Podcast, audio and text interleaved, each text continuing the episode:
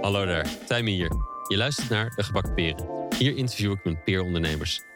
Tuurlijk hebben we het hier over de onderneming, maar ook juist over de persoon achter het bedrijf en hoe de reis van het ondernemerschap voor hen was. Wat hebben zij geleerd als zij terugkijken op de successen en de woestere tijden? Wat drijft hen? Wat was nu eigenlijk de grootste uitdaging? En hoe heeft dat hen gevormd? In mijn coach of train ik ondernemers zodat ze een goed bedrijf leren bouwen. Daar kom ik met mijn slimmigheden, modellen, scherpe vragen. Maar er is natuurlijk juist ook zoveel wat je van elkaar kunt leren. Dus hoor hier het echte verhaal. Hopelijk helpt het jou in jouw reis. Misschien simpelweg door slim inzicht, maar nog meer door de steun, de peer support van erkenning. Ondernemerschap is de beste school voor persoonlijke ontwikkeling. Maar misschien kun je sommige lessen met minder schade en schande leren. Door slim te spieken. Of in dit geval door af te luisteren. In deze aflevering is Sander Beks de gast. Sander is de oprichter van i for Nature, een coöperatie die de kracht en creativiteit van jongeren verbindt aan de complexe uitdagingen die afkomen op hedendaagse organisaties die in sectoren zitten die aan de natuur raken. Daarnaast is hij initiatiefnemer achter de Oogst van Overmorgen, een programma waar jonge gedreven boeren, ondernemers en jong professionals hun pad en rol vinden in de verduurzaming van het voedselsysteem. In het gesprek hebben we het over systemisch werk en familieopstellingen en wat Sander daaruit leerde over de bron van zijn moeite om grenzen te stellen en zichzelf te laten zien. Over de kracht van het verbinden van verschillende generaties en over landbouw, het leger en Noord-Ierland. Sander verbindt alles aan elkaar. Natuurlijk tussen verschillende generaties in leeftijd, maar ook in oud en nieuw denken. En hij mag dan intussen een andere kijk hebben op sectoren waar hij zo lang in gewerkt heeft. Wat ik zo mooi vind is hoe hij hen met dezelfde verbindende liefde verder wilt helpen en een plek creëert waar zij samen kunnen komen met zij die de nieuwe weg ingeslagen zijn. Dank Sander voor je openheid in dit mooie gesprek en voor je werk. Veel plezier met luisteren. Hier is Sander Beks van i for Nature. Hey, welkom Sander. Welkom in de studio. Dankjewel. Nu al leuk dat, uh, het gaat nog blijken, maar nu al leuk dat uh, Charlotte van Leven ons, uh, ons linkte. Als, het, als ik het mocht voor het zeggen had in deze podcast, dan zou ik haar bijna elke, elke aflevering maar uitnodigen. Maar second best als, als, je, als je met jou aankomt zitten. Um, heel leuk. Nee, ik ben benieuwd. We hebben het al een beetje kort op gehad. Heel, dit wordt een leuk verhaal volgens mij. Dus ik ben benieuwd. Nou, dat uh, legt de lat hoog. Ja, ja, ja, precies. precies. Hey, ik begin bij, gasten. En um, ik denk gezien jouw verhaal ook leuk um, uh, om even bij het begin te beginnen. Dus wat, wat, wat maakte dat, uh, nou, hoe jij geworden bent wie je bent. Dus ik ben benieuwd hoe jij, waar je opgroeide. En nou, hoe zag jouw familiesituatie er thuis uit? En, en neem ons eens mee naar zo'n tafereel rond, een, rond de eettafel. Waar ik me voorstel dat je was met ouders. En, ja, ja, ja, hoe zeker. Was dat? En ja, zoals sommigen misschien wel eens willen horen, ieder geval dat krijg ik altijd terug van, nou, kunnen we horen dat je uit Brabant komt. Maar um, uh, ik kom uit Vught, uh, geboren en getogen, formeel geboren in Den Bosch. Daar was mijn moeder altijd blij mee. Mijn moeder is een bossenaar, mijn vader uit Vught. Um, nou, voor deze tijd een relatief groot gezin. We hadden vier kinderen, dus ik was de jongste thuis. Um, ik denk ook een beetje de ondeugende ondernemende die de ruimte kreeg om dat te kunnen zijn ook. Met uh, twee broers en een zus boven mij. Dus we hadden zeker uh, leuke tafelrituelen als het ging over, uh, over het eten s'avonds zeker. Um, wat altijd een bonte bedoeling was voor gezelligheid, maar ook wel um, orde. Tot, tot op heden gaat bij mijn zus en mijn broers bij hun kinderen. En ik zal dat straks vermoedelijk ook een keer doen bij mijn eigen kinderen. Die zijn nog wat jonger. Dat we netjes moesten eten. En nou ja, je kreeg ook echt wel een prik in je hand af en toe als zijn dat je dat niet keurig genoeg deed. Met de vork of het Met de vork, ja. ja. nee, de vest niet. Dat, dat gelukkig niet. En uh, mijn moeder was dan uh, zeker bij mij, denk ik, degene die de borgende werking had. Nou, ik wist altijd dat het wel goed kon. Ik, ik, ik at vroeger nooit wat. Ik ben groot geworden op aardappelsnappen, moest zeg ik wel eens. um, als je met voeding bezig bent en dat soort dingen, misschien niet het beste voorbeeld, maar dat levende bewijs dat het wel, wel lukt. Um, tot en met dat, uh, dat ik op slinkse wijze wist de restjes die ik niet lustte wel aan de hond te voeren. En mijn vader, mijn moeder was, was altijd thuis als, als huisvrouw, huismoeder. waar ik dus heel veel tijd en binding mee heb gekregen. en mijn, mijn, vader was leraar. dus daar kwam ook wel een beetje het, het onderwijzende slash belerende, denk ik, in, in naar voren. En, en ik vertel nu alles natuurlijk in, in, in retro-perspectief dat ik nou ja, met, met alle kennis en hoe je nu naar de wereld kijkt en naar je ouders, uh, hoe dat was. Maar vroeger was dat zeker uh, ja, een, een grote uh, gezelligheid. en, en ja, echt wel een Brabants warm nest, denk ik, dat ik kan zeggen. Waarbij je ook voor moet stellen dat ja, de, de, de, de, de zoete inloop van, van mensen die langskwamen van vriendjes of vriendinnetjes die ineens aanschuiven. En dat was altijd goed tot en met buren of familie die binnenkwamen via de achterdeur, zoals dat bij ons ging. Dus dat, dat, dat soort van plek van samenkomst, niet alleen voor ons gezin, maar en zeker tijdens etenstijd voor, voor iedereen.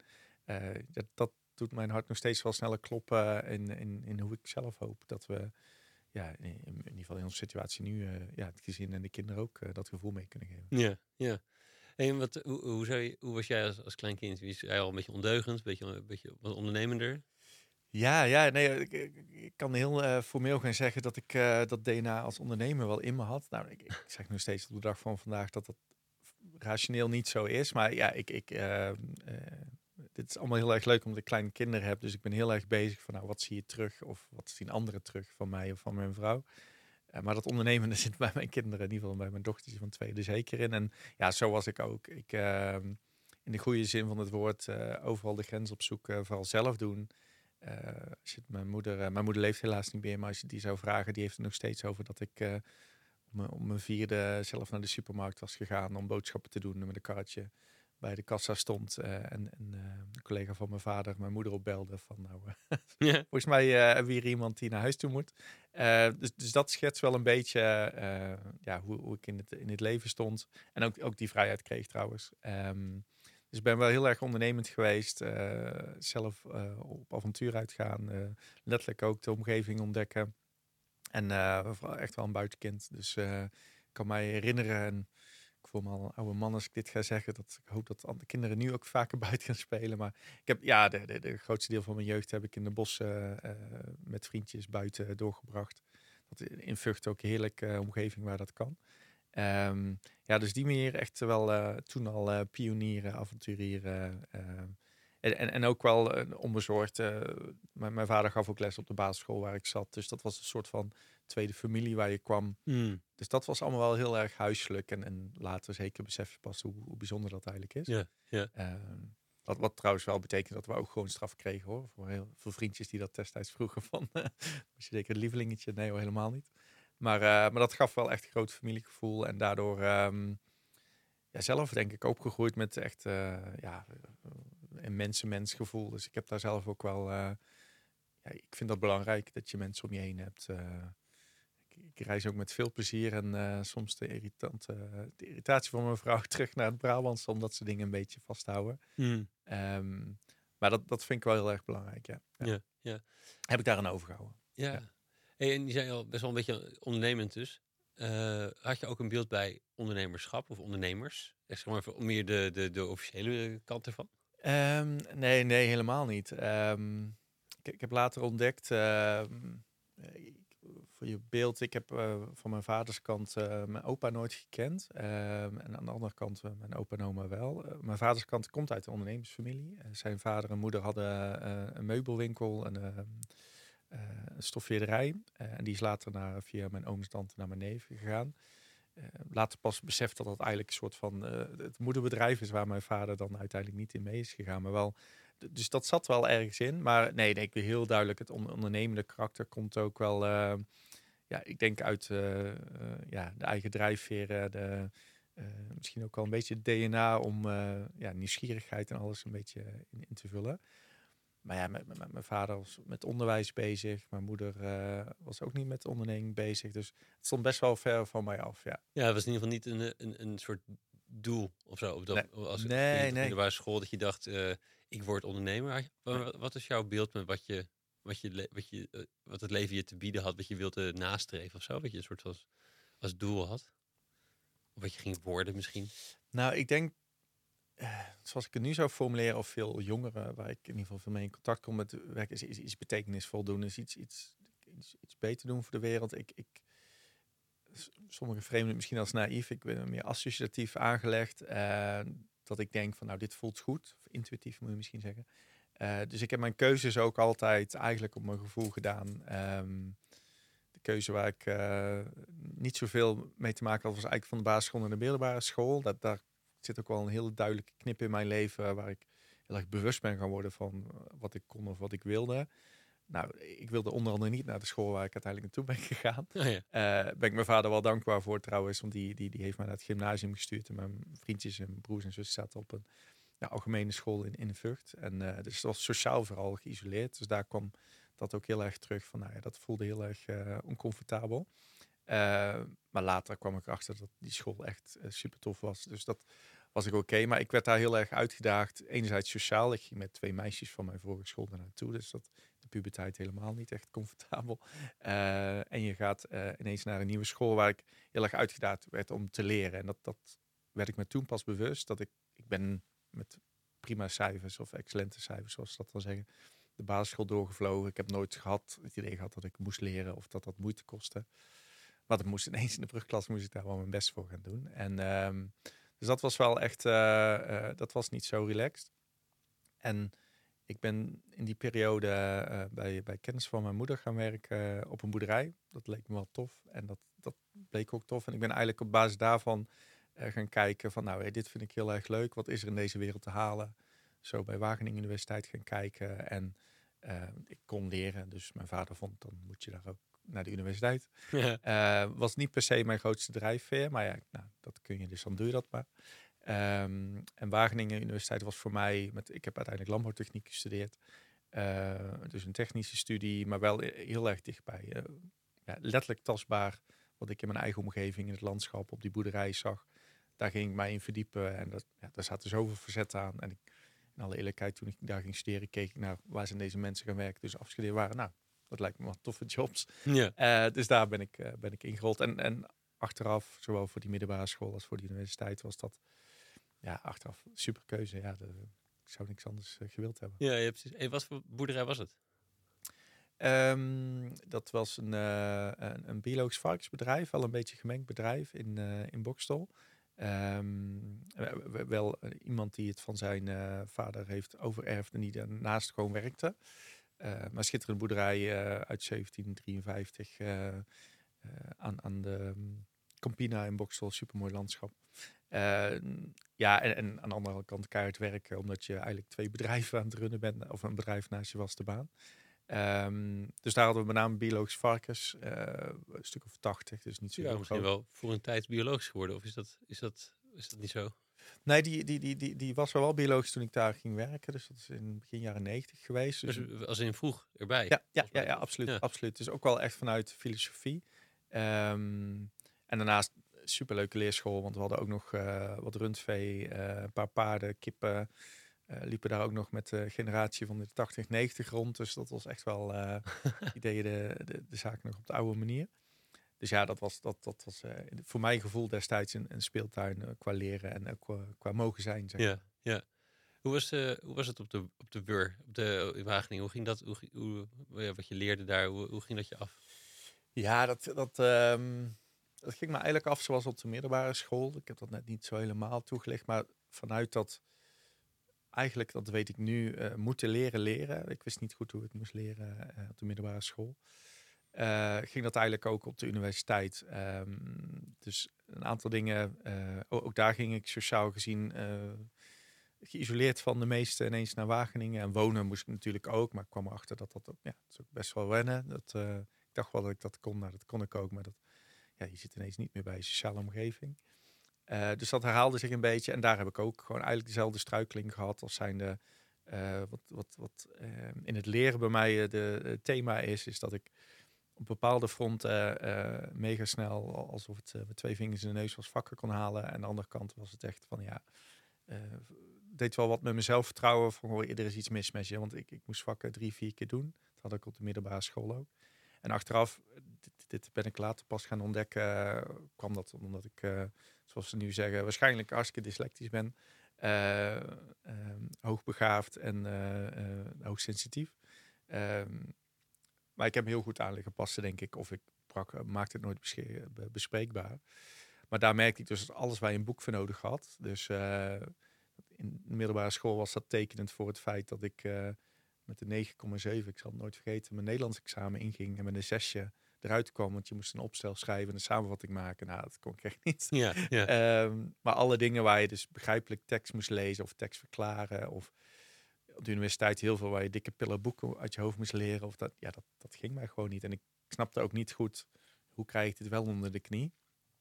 Ehm, dus dat ervaarde ik ook. Maar ja, de soort van hordes die je moet nemen. In de, eerste fase moesten wij in ieder geval nog uh, een soort van basisvakken leren. En, wat ik leuk vond aan Wageningen Universiteit, en dat is denk ik nog steeds zo, is dat je vrij snel in de praktijk komt. Dus uh, beroepsvoorbereidend blok heet dat bij ons. Je moest snel een casus van een uh, opdrachtgever in de praktijk op gaan pakken. Dus je moest ineens met teams gaan werken, met je studenten samen en de filmdisciplines. En aan die sociale kant, daar merkte ik dat ik erg goed in was. Uh, en ook gewoon dat is een beetje met, met, met mensen die wat, wat snelle dingetjes doorzien dan de, de gemiddelde. Uh, ik, ik wist gewoon een trucje op bij een aantal vakken dat je wist, ja, dit is wat er gehaald moet worden. Dus dat kunstje ging je laten zien. En in alle eerlijkheid, ja, weet je, of u er nou veel wijsheid uit hebt gehaald, dat weet ik niet. Maar ik had in ieder geval stapje verder richting uh, dat diploma. Ja, ja, ja, precies, precies, Maar ik vond daar echt uh, de, ja, de, de, de, laatste drie jaar het meest tof. dus dat je echt met de praktijk bezig bent. En dat is dus ook grotendeels je stage, je afstudeervakken ja, dat vond ik echt super leuk. Ik bedoel, studententijd is heel tof. Maar qua vakken vond ik het uh, of reet irritant als ik het dus niet goed kon. Uh, en aan de andere kant, ja, vond ik een beetje, je moet je kunstje doen om, uh, ja, om verder te mogen. Ja, ja, ja precies. precies. Hey, ik, ik, heb geprobeerd een poging, ik heb geprobeerd een poging te doen, een beetje dubbel op. Ik heb geprobeerd een soort tijdslijn te kunnen volgen van wat je allemaal bent gaan doen na je studie. Het is een hele lange lijst. um, en ik, ik vind, ook, ik denk ook dat het, het, het voor het op ergens is een soort, lijkt er een soort switch gekomen te zijn. Als ik het hm. zo een beetje probeer te traceren. Dat ik in 2005 afgestudeerd, in 2013 met systemisch werkopleiding begonnen. En erna gaan ondernemen volgens mij met Eye for Nature. Als ik het zo goed destilleer. Wat, wat zijn een beetje de, de, de grote hoofdstukken in die, in die tien jaar daartussen? Wat is toch best wel een blok tijd. Dus wat, wat, en, en misschien ook wat in die hoofdstukken maakte dat je en dat systemisch werk bent gaan opzoeken en ook later ja, uh, ja. nou daar zitten zeker uh, een paar milestones in. Um, kijk, sowieso snappen mensen nooit, dat krijg ik in ieder geval altijd mee van, nou, hè, uh, ga je nooit rustig op de bank zitten, want, want je doet zoveel. Dat is deels mijn perceptie inmiddels van, dat is mijn normaal, wat anderen misschien dan anders in vinden. Dat is, dat, dat, ja, dus even voor luisteren. Ik, ik, ik, ging kijken naar alle ervaringen op LinkedIn. En dus, het vouw hem uit om alle 41 te zien. Oké. Ja, ja, dat is wel echt goed. dat was ik nog niet eerder tegengekomen. En dat zit er eigenlijk wel uh, ja, vanaf de middelbare schooltijd in. Ja, de, ja, van leuk om dingen te doen. En, en, en nou, waar ik veel, veel, veel waarde en echt veel inspiratie en heb uh, ontleend is eigenlijk, en zo gaat dat dan heel vaak bij mij, is associatief. Ik kreeg op het einde van de middelbare school een uitnodiging of ik vrijwilligerswerk wilde doen in een uh, project over Noord-Ierland. Uh, en, ik kom nog even waarom, dadelijk toe waarom ik dat zo bijzonder vind nu, is dat ik, ik dus jongerenwerk ben gaan doen in cross communities. Dus jongeren waar die tot de dag van vandaag met peace walls die sluiten als de zon ondergaat en, en elkaar de hersens inslaan. Ook al is het niet zo vaak meer in het nieuws, maar in Noord-Ierland, in Belfast gebeurt dat nog steeds. Uh, en daar ben ik uh, jongerenwerk gaan doen. En omdat ik al veel jongerenwerk deed als vrijwilliger, maar daar ben ik eigenlijk in de diepte uh, bekend geraakt met het feit wat, wat, wat, wat, wat gedragspatronen zijn die erachter liggen. Want ik moest me gaan verdiepen als ik dat wilde doen. En hoe dat dan werkt bij jongeren. En ik later ook pas veel meer beseft dan toen ik erin zat van ja, dit gaat echt over oorlog en conflict. Hè? De protestantse en de katholieke community ben me er ook in gaan verdiepen. Uh, kwam ook achter dat er een belangrijke heritage ligt vanuit de Nederlandse invloed daar. Uh, en ineens mm. de kleur oranje van de Orange Marches die daar plaatsvinden. Dat dat iets met ons koningshuis te oh maken heeft, et cetera. Um, maar ja, daar ben ik uh, heel erg bezig geweest. Maar wat zijn nou eigenlijk de onderliggende drijfveren en motivaties? Hoe werkt dat?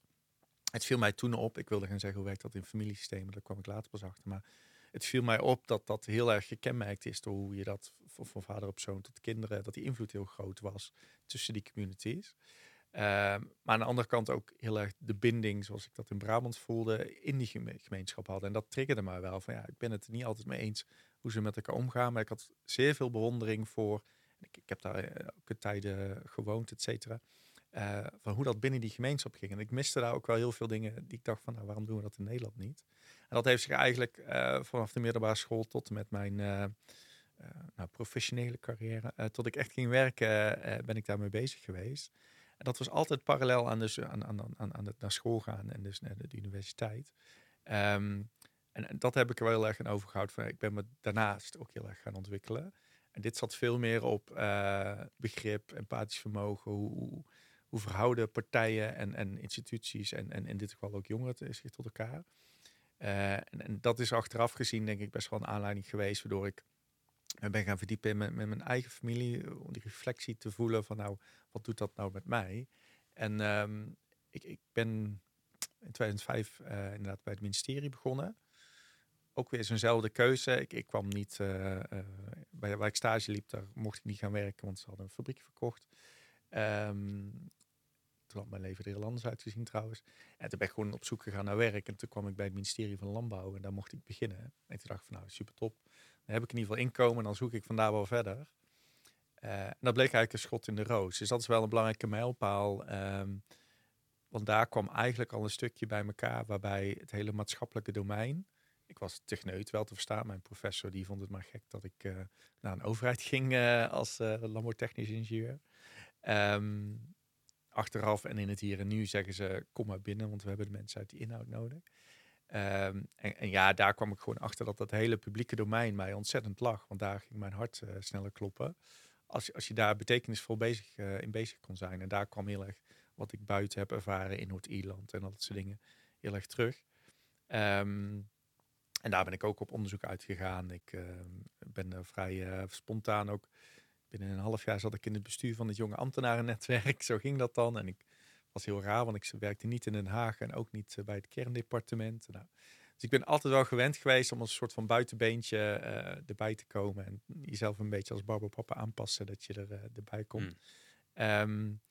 Eh, en die, die tweede die ik noemde, die, die, dat, dat jonge ambtenarennetwerk waar ik voorzitter moest zijn, heeft mij ook ontzettend veel gebracht. Omdat ik daar ook weer ja, die, uh, die nieuwe invloed mocht brengen. Ik mocht daar mee aan het stuur zitten. Ineens zat ik met ministers aan tafel. En ja, het sterkte mij alleen maar van ja, maar dit is werk wat ik wil blijven doen. En, um, dus dat was wel uh, een belangrijke milestone. En wat richting 2012, 13 op een gegeven moment kwam, dat is ook meer misschien toeval en wijsheid, is dat het ministerie ging fuseren. En um, ik was toen nog een van de jonge ambtenaren, last in first out, zo moest het nou eenmaal zijn.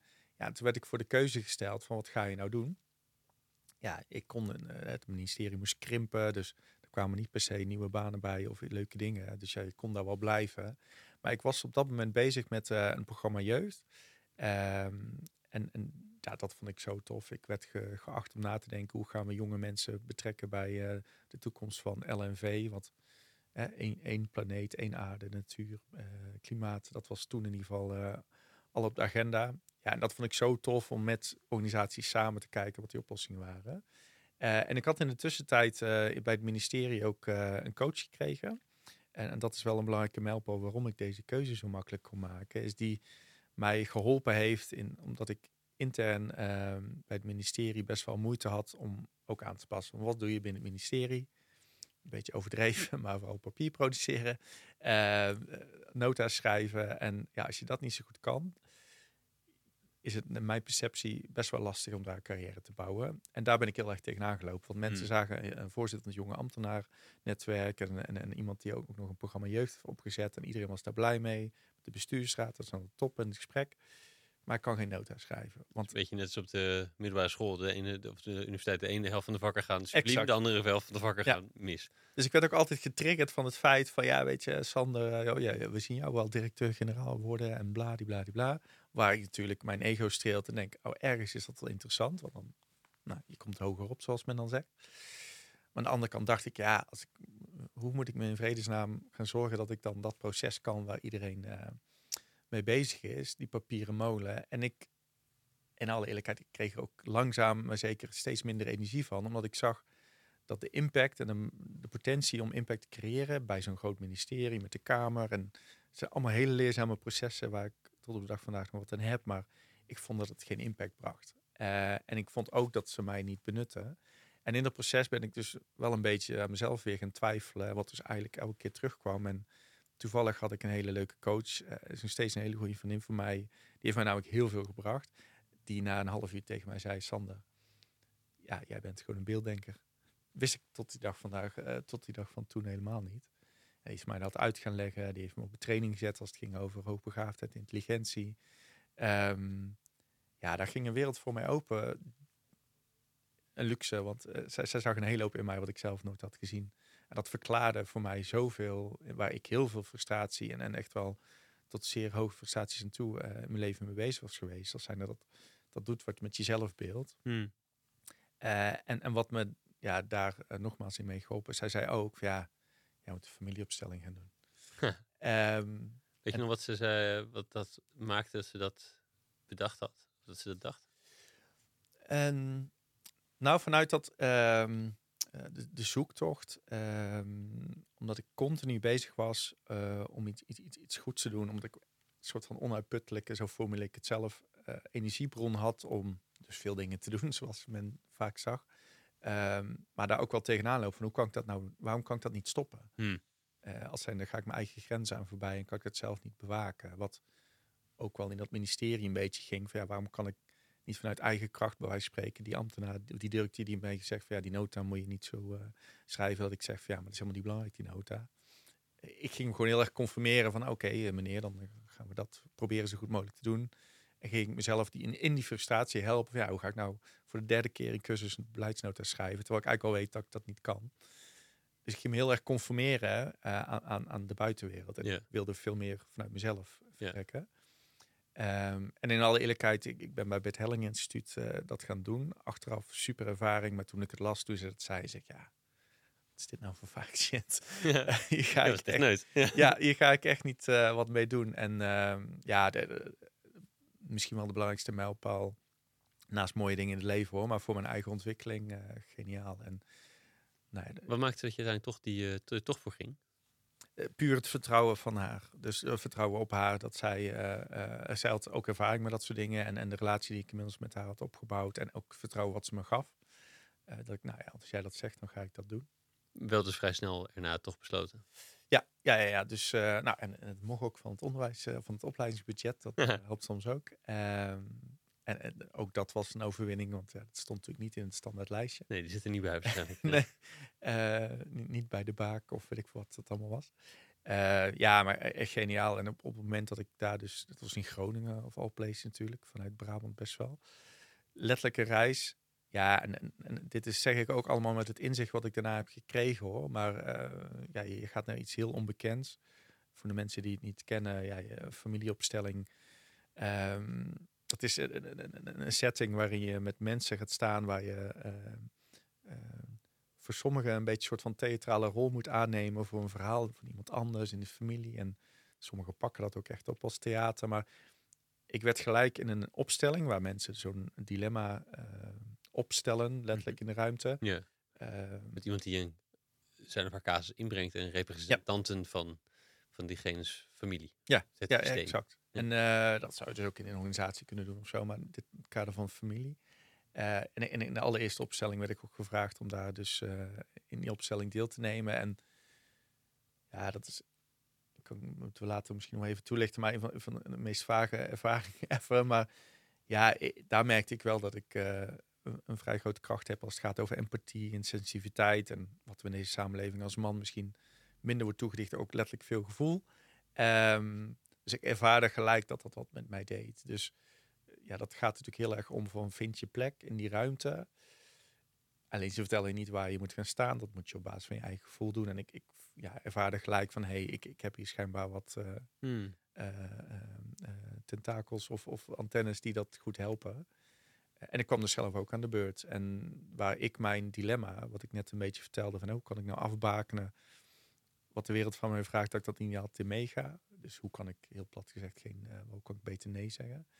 Ja, daar heb ik een, een opstelling mogen doen. Er is dus iemand die je begeleidt daarin uh, om dat inzicht te creëren.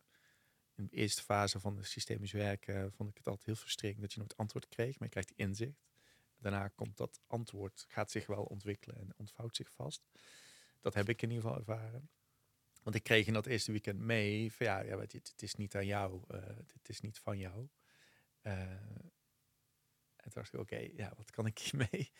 Maar nou ja, ik kan heel u vol praten hoe dat eh, verhaal zich heeft ontvouwd. Maar wat de kern is, is dat met dat inzicht maakte ik andere keuzes of ging ik kleine dingetjes anders doen. Ik heb uiteindelijk uh, een familiedag bij ons georganiseerd. Wat wij altijd deden, gewoon gezellig met familie, hapje eten, spelletje. en ik heb dat in het licht gezegd. En dit is dus allemaal niet bewust, maar dat gaat een beetje intuïtief vanzelf.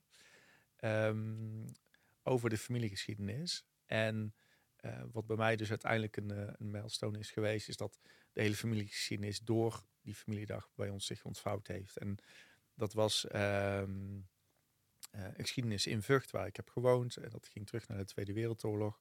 Ik, ik heb vergelijkbare vraagjes in een quiz tijdens die dag gesteld. En uh, dat ging ook over, we hebben een of andere familieschat in, uh, in Frankrijk schijnbaar, die we nooit uh, geërfd hebben. Nou, allemaal van dat soort geuze verhalen.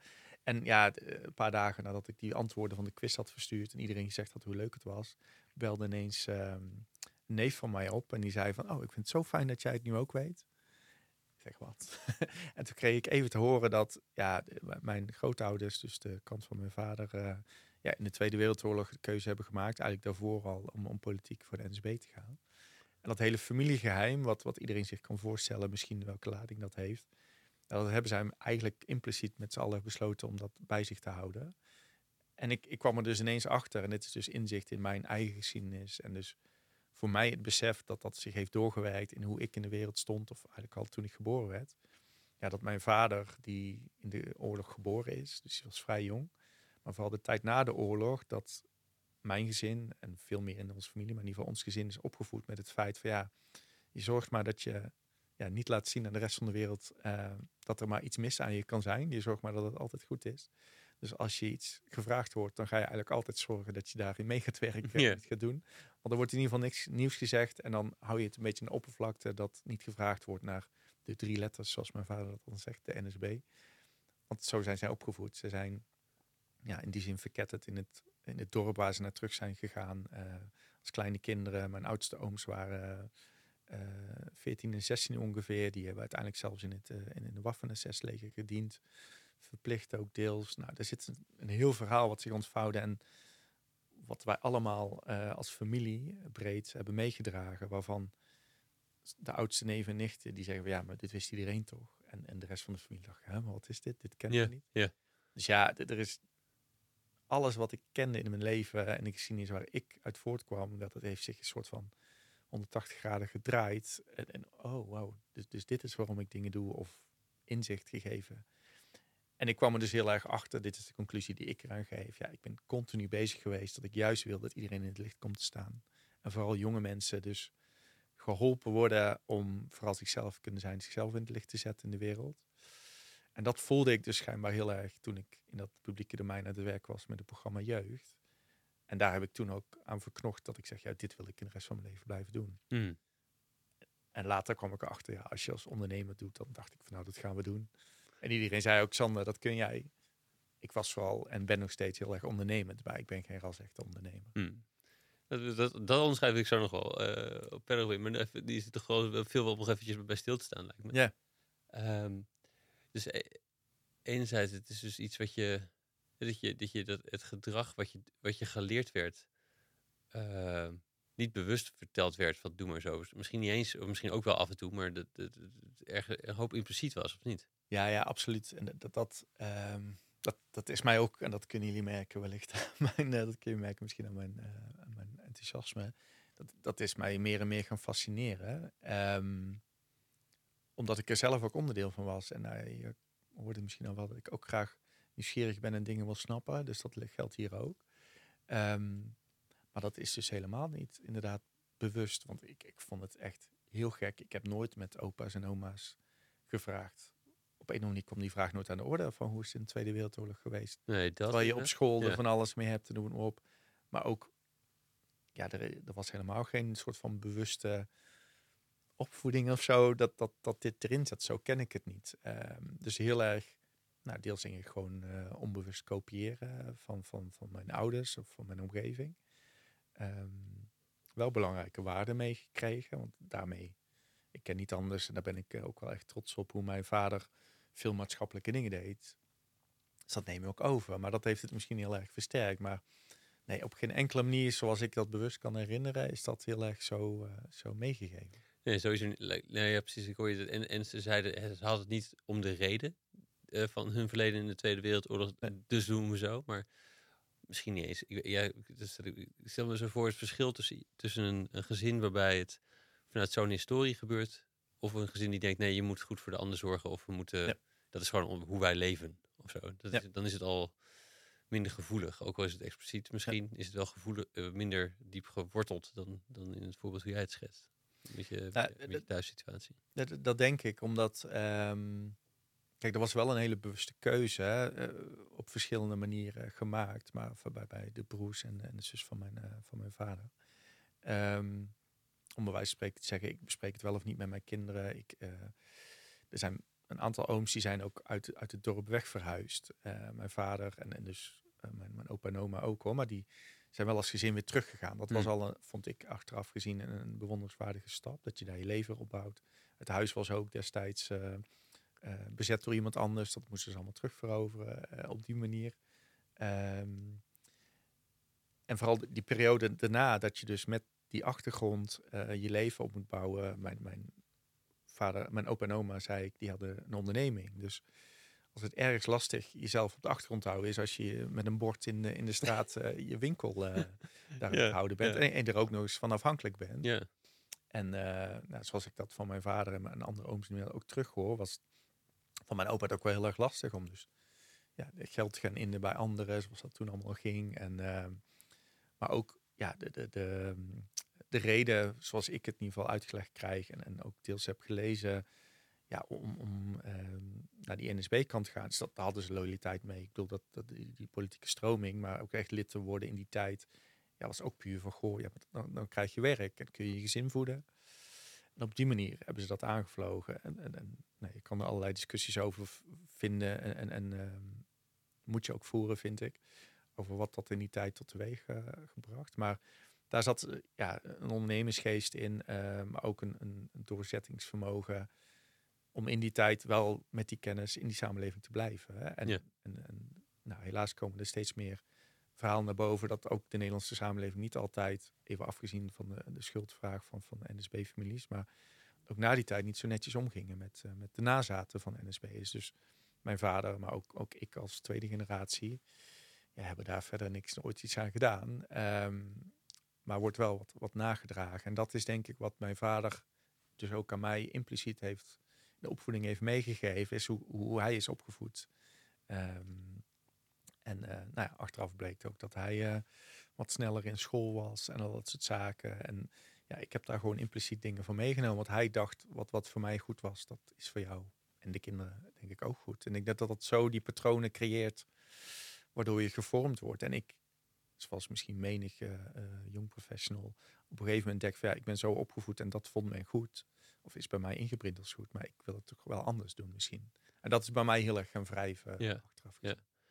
Hey, je beschreef, toen je net je, je, je eigen jeugd beschreef, beschreef je het ook als gewoon heel gezellig, lief, open deur, eh, eh, heel warm. Ja. Is, heeft, het, is heeft deze, nee, deze leerreis je ook een beetje toch wel anders dat doen inzien of zo? Zijn er dingen opeens die, die je daarin anders bent gaan zien? Ehm, ja, ja, ja, zeker. Het zijn best wel wat lessen, denk ik. Ehm, wat mij heel erg onder andere heeft gebracht, is dat eh, eh, er zijn wat clichés als zijn van goh, je ziet soms dat in de relatie mensen wat sneller uit elkaar gaan, in mijn perceptie. Terwijl je toch een warm nest kan bieden. Mijn, mijn ouders en zeker mijn, mijn, mijn, vader daarin, nou la- laat ik het gelijkwaardig behandelen, mijn moeder dus ook.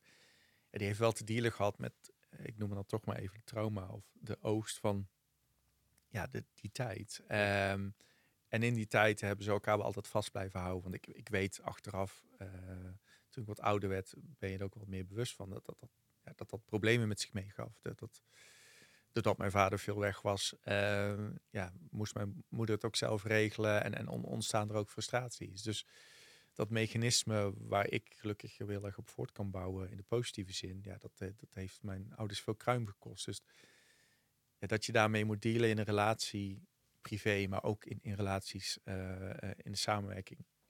Sprongetje vooruit in, in transities waar we met elkaar mee bezig zijn. Ja, dat, dat, daar heb ik wel veel van geleerd. Hoe, hoe je dat dus inzet als persoon. Als, Ja. als, als, als, als- ja, en echt wel als expertise, merk ik zelf. En het ehm, vermogen wat ik misschien wat meer heb meegekregen als het gaat over empathie en dat soort elementen waar ik denk waar vele mensen in de maatschappij nu op zoek zijn. Dat heb ik wel heel erg als, als, als, als cadeau en talent leren ervaren. Dat vond ik vroeger in dat afbakenen dus, uh, ja, dat vond ik echt last. ja. Ehm, ja, dus daar, dat zijn wel dingen die ik meegenomen heb. Uh, en, en, en, voor mijn gevoel iconische verhalen nu, ja, zoals ik mijn oma bijvoorbeeld heb gezien, ja, die, die echt wel de voorvechter was van, ja, maar we, gaan ons gezin onderhouden, we gaan de toekomst bouwen. Ehm, ik, ik, ik sta voor waarvoor ik sta. Zij was, zoals mijn nicht had zei, een rode oma qua politiek. En, en ja, weet je, dus, dus het voor jezelf overkomen, er mogen zijn, eh, maar wel um, rekenschap nemen voor alles wat erbij komt kijken. Dat, ja, dat, dat heeft mij enorm gevormd uh, in die latere periode, uh, toen ik dat allemaal wist. En daar ben ik veel meer op voort gaan bouwen, ja, in mijn, in mijn werk, maar privé probeer ik dat ook zo overeind te Ja, ja. En je zei vooraf dat je, vooraf, uh, voordat je die opleiding inging, dat je mm -hmm. en een beetje compulsief niet kon stoppen met iets goeds moeten doen. Ja. Uh, grenzen aangeven, volgens mij. Ja. Jezelf laten zien. Ja. Hoe, hoe, hoe, was dat daarna? Of hoe is dat intussen een beetje gegaan? Dus dat is niet de dag van de dag klaar, de opleiding. Ik ben nu helemaal klaar ermee. Nou, maar... dat, wat ik net zei, hè, dat, dat uh, een beetje de frustratie uh, met een glimlach hoor. Dat, dat je niet gelijk een antwoord hebt, een handboek van zo moet ik het doen.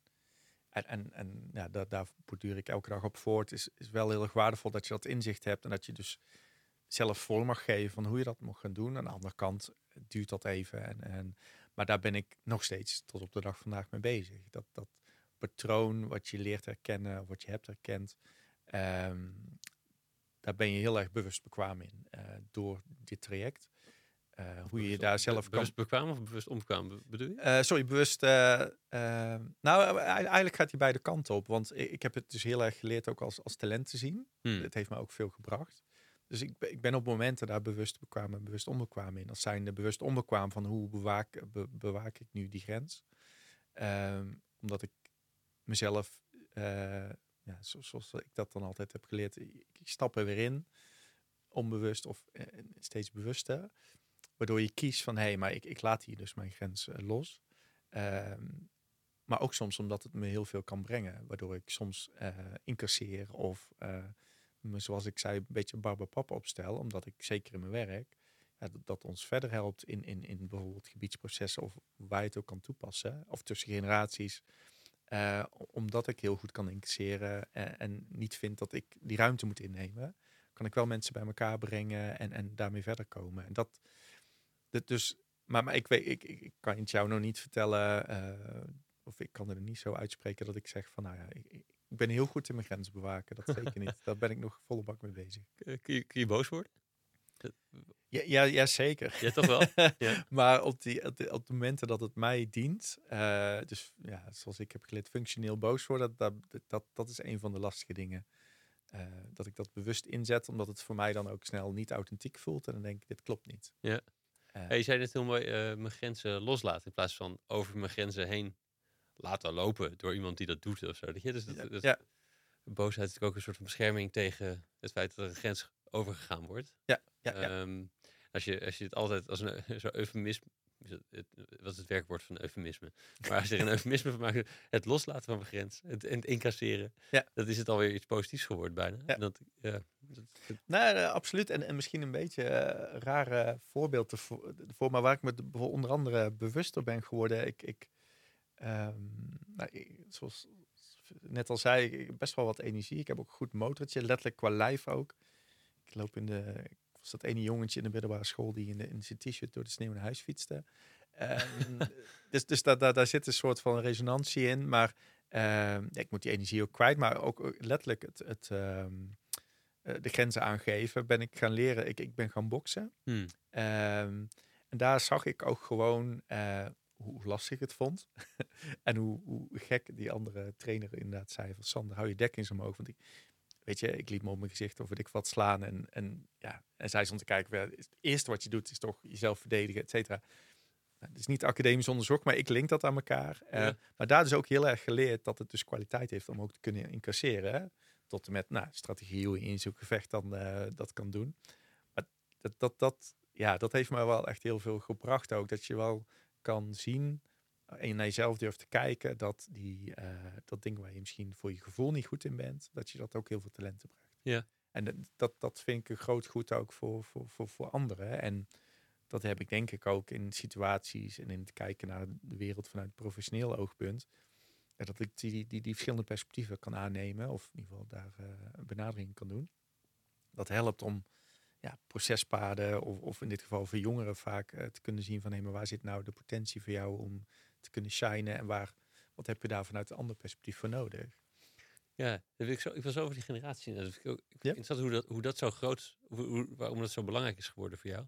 Ik zag even met het, met het boksen en ik vind het toch even een mooi bruggetje naar de nationale reserves, waar je volgens mij lid van of lid van bent geweest. Eh, Kon jij wel slaan met boksen trouwens? Dus ik vond het ook wel. Ik heb een paar keer, ik heb een kort in een halfjaartje gebokst ooit, maar ik vond het, het, het gaan mappen naar anderen vond ik best wel een ding. Ja. En ik, ik, als je jouw verhaal zou horen, dan lijkt me dat ook niet per se een natuurlijke actie voor jou. Nee, dat- nee, nee.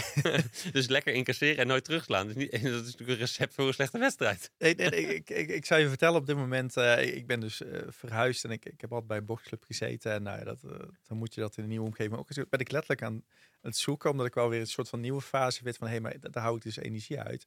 Want letterlijk wat jij zegt, ehm, ja, de ruimte nemen, hè, als je als wil ondernemen, dan moet je eigenlijk ook gewoon zorgen, ik ben hier en eh, ik sta ook ergens voor. Dat, dat vond ik heel lachen, maar mijn bokstrainer zei altijd, Sander, waarom doe je in vredesnaam je ogen dicht? Want als ik ging slaan, doe ik mijn ogen, deed ik mijn ogen dicht. Kwam ik dus achter. dat deed heel erg onbewust. Ja. Maar nee, ik, ik kon dat niet zo goed. Nee, en, en ja, dat, dat heb ik wel heel erg moeten leren. hè. En dat vind ik nog steeds lastig. En, en in systemische termen hebben ze dat dan over, over de man en de vrouw. En de man moet het zwaard hanteren. Dus hoe kun je nou ruimte voor jezelf nemen, zoals onze metafoor dan gaat, met een zwaard, zonder dat je nou, ve- ve- veel bloed vergiet, of hoe je dat dan ook wil noemen. Maar in ieder geval hoe je dat netjes doet. eh, Mhm. en, en dat vind ik heel erg lastig. Dus je had het over de vraag, kun je boos worden? Als de situatie escaleert, dan kan ik prima boos worden.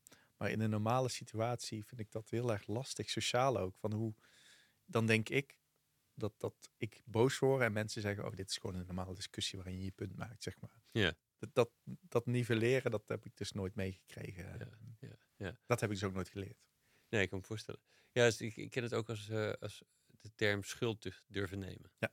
En dat uh, veel systemisch werk volgens mij zo'n term, Ja. maar dat, dat, daar lijkt het ook op. Ja. Eh, kun je erop rusten dat het, eh, dat oké is als je, als je iets van de ander vraagt. Ja, ja exact. En, en, en, en, en, en bij mij gaat dan gelijk van, maar ben ik wel goed genoeg? Hè? Dat Mm. zit een soort van, zingt in je achterhoofd mee, of hoe je dat ook wil formuleren. Maar dat, dat, dat voelt gewoon echt, eh, echt lastig. en, of in ieder geval, daar moet ik het nieuwe normaal voor mezelf in vinden. Ja, ja, ja, precies. Eh, en die nationale reserves, hoe, hoe, Ja. hoe ben je, hoe, hoe- en ik ben ook benieuwd hoe, hoe, zo, hoe, hoe je zo'n systeem als een hiërarchisch systeem als het leger ook, ook, ook, ook nou, hoe je dat linkt of matcht Ja. met systemisch werk. Want er zit daar natuurlijk ook een soort van Ja. lagen in en zo. Ja, mega fascinerend. Dat, daar zouden we een aparte podcast voor moeten maken, denk ik. Maar ehm, wat wel bijzonder is, hè, dus eh, ik, ik moet je vertellen, zoals, zoals sommigen die dit soort boeken lezen, zullen dat herkennen. Er is trouwens laatst een serie van op tv geweest over eh, van Alexander eh, Munnikov, als ik het goed zeg. Ehm, die begint ook met dat een, een, klein jongetje eh, militaire spullen van zolder haalt. eh, en, en, en echt een eh, veeg uit de pan krijgt van zijn familie die pissig wordt. Ik, ik had ook fascinatie, ik had fascinatie voor het leger vroeger. Ik, ik denk dat achteraf dus ook een beetje te snappen. Maar ehm, ik heb het dus niet nooit heel veel over gehad. Maar ik, ik, heb nog steeds eh, spul uit de Tweede Wereldoorlog. Vught met een eigen voormalig concentratiekamp, legerbasis, et cetera. Was ik ook mee eh, verguld met al die hele omgeving. Eh, maar ik kreeg dus ook een hele eh, boze vader op mijn dak toen ik Duitse helmen had gevonden bij ons op zolder thuis. Ehm, eh, dat bleken dus Duitse helmen te zijn die mijn opa ooit had bewaard. Mijn vader wilde er vanaf, maar toch heeft hij ze bewaard. Heel graag dilemma. Ehm, maar ik, ik wilde altijd graag officier worden. Dus ik, ik heb eerst op de middelbare school eh, eh, ook voor... nou ben ik al aan het nadenken, waarom heb ik dat net niet verteld? Maar ehm, eh, heb ik gesolliciteerd voor de KMA. Maar ik was daar eh, gelijk afgekeurd omdat ik eh, te emotioneel was. Ik was te gevoelig. Nou, achteraf heb ik dat ook als talent gezien. Maar dat is altijd Ja, wel ja. rond blijven zingen. En ik heb toen ik, nou, ik denk 2013, 14 of zo. Wij werken ook met een tool die heet het motivatiekompas met jongeren. En om dat te leren hoe dat werkt, heb ik die tool ook zelf gedaan. En daar kwam onder andere uit dat het nou, iets voor de maatschappij doen, buiten zijn. toen zei ik, ja, wat kan ik hier nu mee doen? En toen zei mijn broer, die is officier in het leger, die zei van, heb je ooit van het concept Nationale Reserve gehoord? Oftewel, je kan een soort van deeltijd militair worden. Dus ja, dat vond ik tof. Dus uh, ik ben gaan solliciteren en kon dus naast mijn reguliere werk militair worden. En, en ben ik nog steeds trouwens. Dus um, sterker nog, in de context van dit verhaal, ik ben ehm, officier bij de genie, dus reservist bij de genie geworden. Dat is inmiddels wat anders dan de Nationale Reserve. Die doen bewaken, beveiligen. Ik ben nu een soort van deeltijdcapaciteit van de genie. Um, hou me daar met duurzaamheidsuitdaging bezig. Maar ik heb kantoor heel bijzonder. En, en uh, mooi vind ik dat in het uh, hoofdkantoor van de, het letterlijke gebouw van de kampcommandant van uh, Kamp Vught. Want iedereen kent het Nationale Monument, maar de hele kazerne, de Van Brederode kazerne in Vught, het zijn allemaal oude gebouwen uit de Tweede Wereldoorlog. Ja. Sterker nog, hm. mijn, ik ben op de appelplaats bevorderd waar mijn opa geïnterneerd zat. Ja, dat uh, maakt dingen nog een beetje rond ja. Maar, maar dat, ja, dat, dat, voor mij was dat deels een jongensdroom. Uh, en, en, het relateert heel erg aan, aan, vind ik tenminste, de taken die Defensie heeft. Is uiteindelijk beschermen wat ons dierbaar is. Um, en, ja, dat, dat, dat vind ik super bijzonder. En, en als reservist ben je bezig om een stukje capaciteit in te vullen waar Defensie niet altijd elke dag iemand van heeft.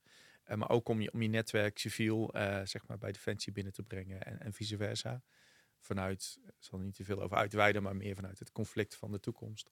Uh, en van vandaag uh, zien we in Oekraïne van dat het bijvoorbeeld niet alleen meer over een legertje gaat wat naar het land gaat zeggen wij willen jullie veroveren en we gaan een veldslag aan, maar uh, energiesystemen, watersystemen die uh, hoe heet het, gemanipuleerd worden, waardoor je een land kan ontzetten, wat we natuurlijk nu gezien hebben. En dan heb je meer nodig dan alleen maar een leger wat op kan trekken naar zo'n grens. Maar mensen die binnen die energiebedrijven en die wereld weten hoe je dat slim moet doen. Yeah. Dus daar is het concept van reservist en, en, en daar vind ik mezelf toe aangetrokken. Dus daar ben ik één nog in de week nog steeds formeel voor aan het werk. Wauw. Wow. Hey, generaties. Um, dus, jongeren, waar, kwam, waar, is die, de, waar is voor jou de bron daarvan? Waar, waarom Waar spreek je zo aan om jongeren in hun kracht te zetten? Hoe is dat gegroeid? Nou, dat komt grotendeels um, um, uit, ja, ik denk uit fascinatie dat, dat ik heb ervaren, dat hebben ze nooit. Bij mij hebben ze nooit, uh, en dan ben ik denk ik misschien een beetje de extreme van het gemiddelde, maar de potentie benut die, die, die ik in me had om op school uh, te leren wat ik kon leren, of in mijn werk als formeel bij een baas, uh, ja, echt bij te dragen wat ik kon bijdragen. En ja, daar ben ik uh, vooral mee bezig geweest. Vanuit die intentie van, hé, hey, dat is volgens mij veel breder. Daar heb ik toen bij het ministerie, toen ik dat programma Jeugd op moest zetten, heb ik daar onderzoek naar mogen doen, pilots op gedaan, wat, wat, wat dat grotendeels onderbouwde. Um, en zodoende ben ik daar ja, op die manier eigenlijk ingerold van dat, dat ja, we, we moeten die potentie benutten. omdat we complexe uitdagingen op te, op te lossen hebben. Uh, en, en, het mij ook fascineerde van waarom doen we dit dan zo? Waarom word je in het onderwijssysteem niet getriggerd van wat jij leuk vindt en belangrijk, wat ook heel vaak wel op de affiches en in de beleidsteksten staat, maar in de hmm. praktijk heel anders ging. En daar kwam voor mij uh, ja, misschien uh, het verleden ook in naar boven van hé, hey, maar dit, dit, dit, dit kunnen we beter doen. Hier valt iets goeds te doen voor de wereld. gezien de uitdagingen rondom het groene domein waar ik me vooral in bevond. Eh, die zich aandienen. Dat dat in de tijd 2007, 8, 9, dat men zich nog heel erg bewust van moest worden. Dat is nu anders, denk ik. Um, en ik, en, ik, en ik heb dit ervaren in, in wat ik een beetje vertelde in Noord-Ierland, in het jongerenwerk wat ik deed. Wat ik ook zag van jongeren worden vaak niet gezien. En dan heb ik het over jongeren over van alle pluimages. Um, ook de jongeren die op de universiteit zitten, uh, worden vaak als jongeren die leuke frisse ideeën hebben. Dat is ook zo word ik zien, maar worden eigenlijk nooit echt serieus genomen. En mijn filosofie erachter is, waar ik dus in die zin met mijn bedrijf veel mee bezig ben, um, is als je ziet dat we met de komst van internet en uh, nieuwe technologieën uh, een nog veel sneller veranderende wereld hebben dan daarvoor. Waar je vroeger, zeker in de setting educatie of, of, of in een bedrijf, uh, eigenlijk de setting had dat een ouder iemand wist eigenlijk altijd aan de jongere iemand uit te leggen vanuit de vroegere meestergezel. Uh, van goh, dit is de wereld, hoe de wereld in elkaar zit, dit is hoe je het vak beoefent. Uh, die dynamiek is aan het veranderen, omdat mede middels die technologie ehm, en, en, en de, de, de internetrevolutie jonge mensen in staat zijn om een, om een skill of een vak te beoefenen waar oudere mensen totaal geen kennis van hebben. of heel vaak de jongeren vaak beter weet uit te leggen wat je ermee kan. En je ziet dat dat het, het ja, zo heel disruptief en een mooi woord gezegd, het onderwijs en de manier waarop we werken ja, op zijn kop gooit. Mm. En, en daarom geloof ik dat jongeren de vertegenwoordiger zijn van die nieuwe wereld nu. En je daarom aan tafel moet hebben zitten. Om die potentie te benutten die we niet, volgens mij niet ontsluiten op dit moment. Ehm, en daarom ben ik in het onderwijs gaan kijken, in sociaal-maatschappelijk werk, in, in de arbeidsmarkt. Van hoe, hoe werkt dat? Dat vond ik een cadeautje ook, hoe ik dat deels bij de, bij de Rijksoverheid heb mogen leren. Maar ik heb ook ben dat gaan onderzoek gaan doen bij, bij provincies, gemeentes, op die verschillende vlakken. Dus ik wil ook echt weten hoe zit het. Mocht daar dus ook onderdeel van uit zijn, uitmaken. En ehm, ja, eh, dat heeft mij gestevigd uh, in, in, het, in het ondernemen wat ik deed. Uh, maar wel allemaal ten gunste van de maatschappelijke doelstellingen. En ben in, in 2015, 16 langzamerhand de, de verbinding aan het zoeken met, zoals de echte ondernemers, met de business cases, ook veel meer bedrijfsleven. En omdat ik ook gewoon merkte dat uh, iedereen het een reet interessant thema vond. Dat, dat is tot op de dag vandaag geen enkel probleem. Jongeren zijn sexy, om het zo maar te zeggen. Maar eigenlijk niemand uh, ja, daar geld voor over heeft. Uh, en, en het, het frame kiezen van, goh, maar we hebben dus potentie om dingen op te lossen die de grote instantie bedrijven op dit moment niet lukt. Helaas ook, omdat de uitdagingen steeds groter worden. Ja, dat, dat is wel echt de business case geworden. En, en het verstand hebben van hoe je dat dan met jongeren doet en hoe die grote organisaties in elkaar zitten. Dat begint wel te vliegen. Ik zeg er ook gelijk, gelijk bij dat, dat ik op de verjaardagen niet. Uh, um, als iedereen zegt je doet wat met jongeren, dan denken ze aan, aan een leuk jongerenparticipatieprojectje. Maar dan heb ik nog wel moeite om uit te leggen wat ik nou exact aan het doen ben. Maar dat heb ik ook wel genoegen meegenomen, uh, gelukkig. Uh, maar, maar daar zit die fascinatie in en ook wel dus continu de bevestiging dat die potentie er is. Um, en dus ook vertrouwen hebben in, in de visie en filosofie die ik heb opgebouwd. Eh. Ja, dus ik ben wel benieuwd een paar voorbeelden van hoe je, wat je doet om te zorgen dat die potentie van jongeren vergroot wordt. Of, of, of mee gaat doen in, in het nadenken over, over zulke grootste vraagstukken. Ja. Ik denk dat er wel uh, een paar leuke zijn. Ik zal wel eens eindigen ook nog eens heel eventjes in, uh, in antwoord op jouw vraag over defensie. Want dat vind ik wel een mooie hoe ik hem altijd kan, kan als voorbeeld kan laten zien. Maar eh, kijk, de basale is, is, is, is jongeren aan tafel krijgen. Dus een goede, mooie setting creëren waarbij je uh, leiders, uh, decision makers, sorry, werken veel ook in Engelse context, internationaal. dat is oké. Um, activaties creëren, dus een event organiseren waar die gelijkwaardigheid is, waar je jongeren dus op een gelijkwaardige manier met CEO's, wethouders, ministers aan tafel krijgt, om een gemeenschappelijke ervaring te krijgen van potverdorie, die zit echt wat in. Waarbij ik meegemaakt heb dat uiteraard gelukkig iedereen altijd zegt van jongen, hebben verfrissende ideeën. Maar waar aan beide perspectieven ook wel komt van ja, jongeren moeten voorbereid worden om, om hoe je dat doet. Zet ze niet uh, uh, aan tafel uh, fris zonder context.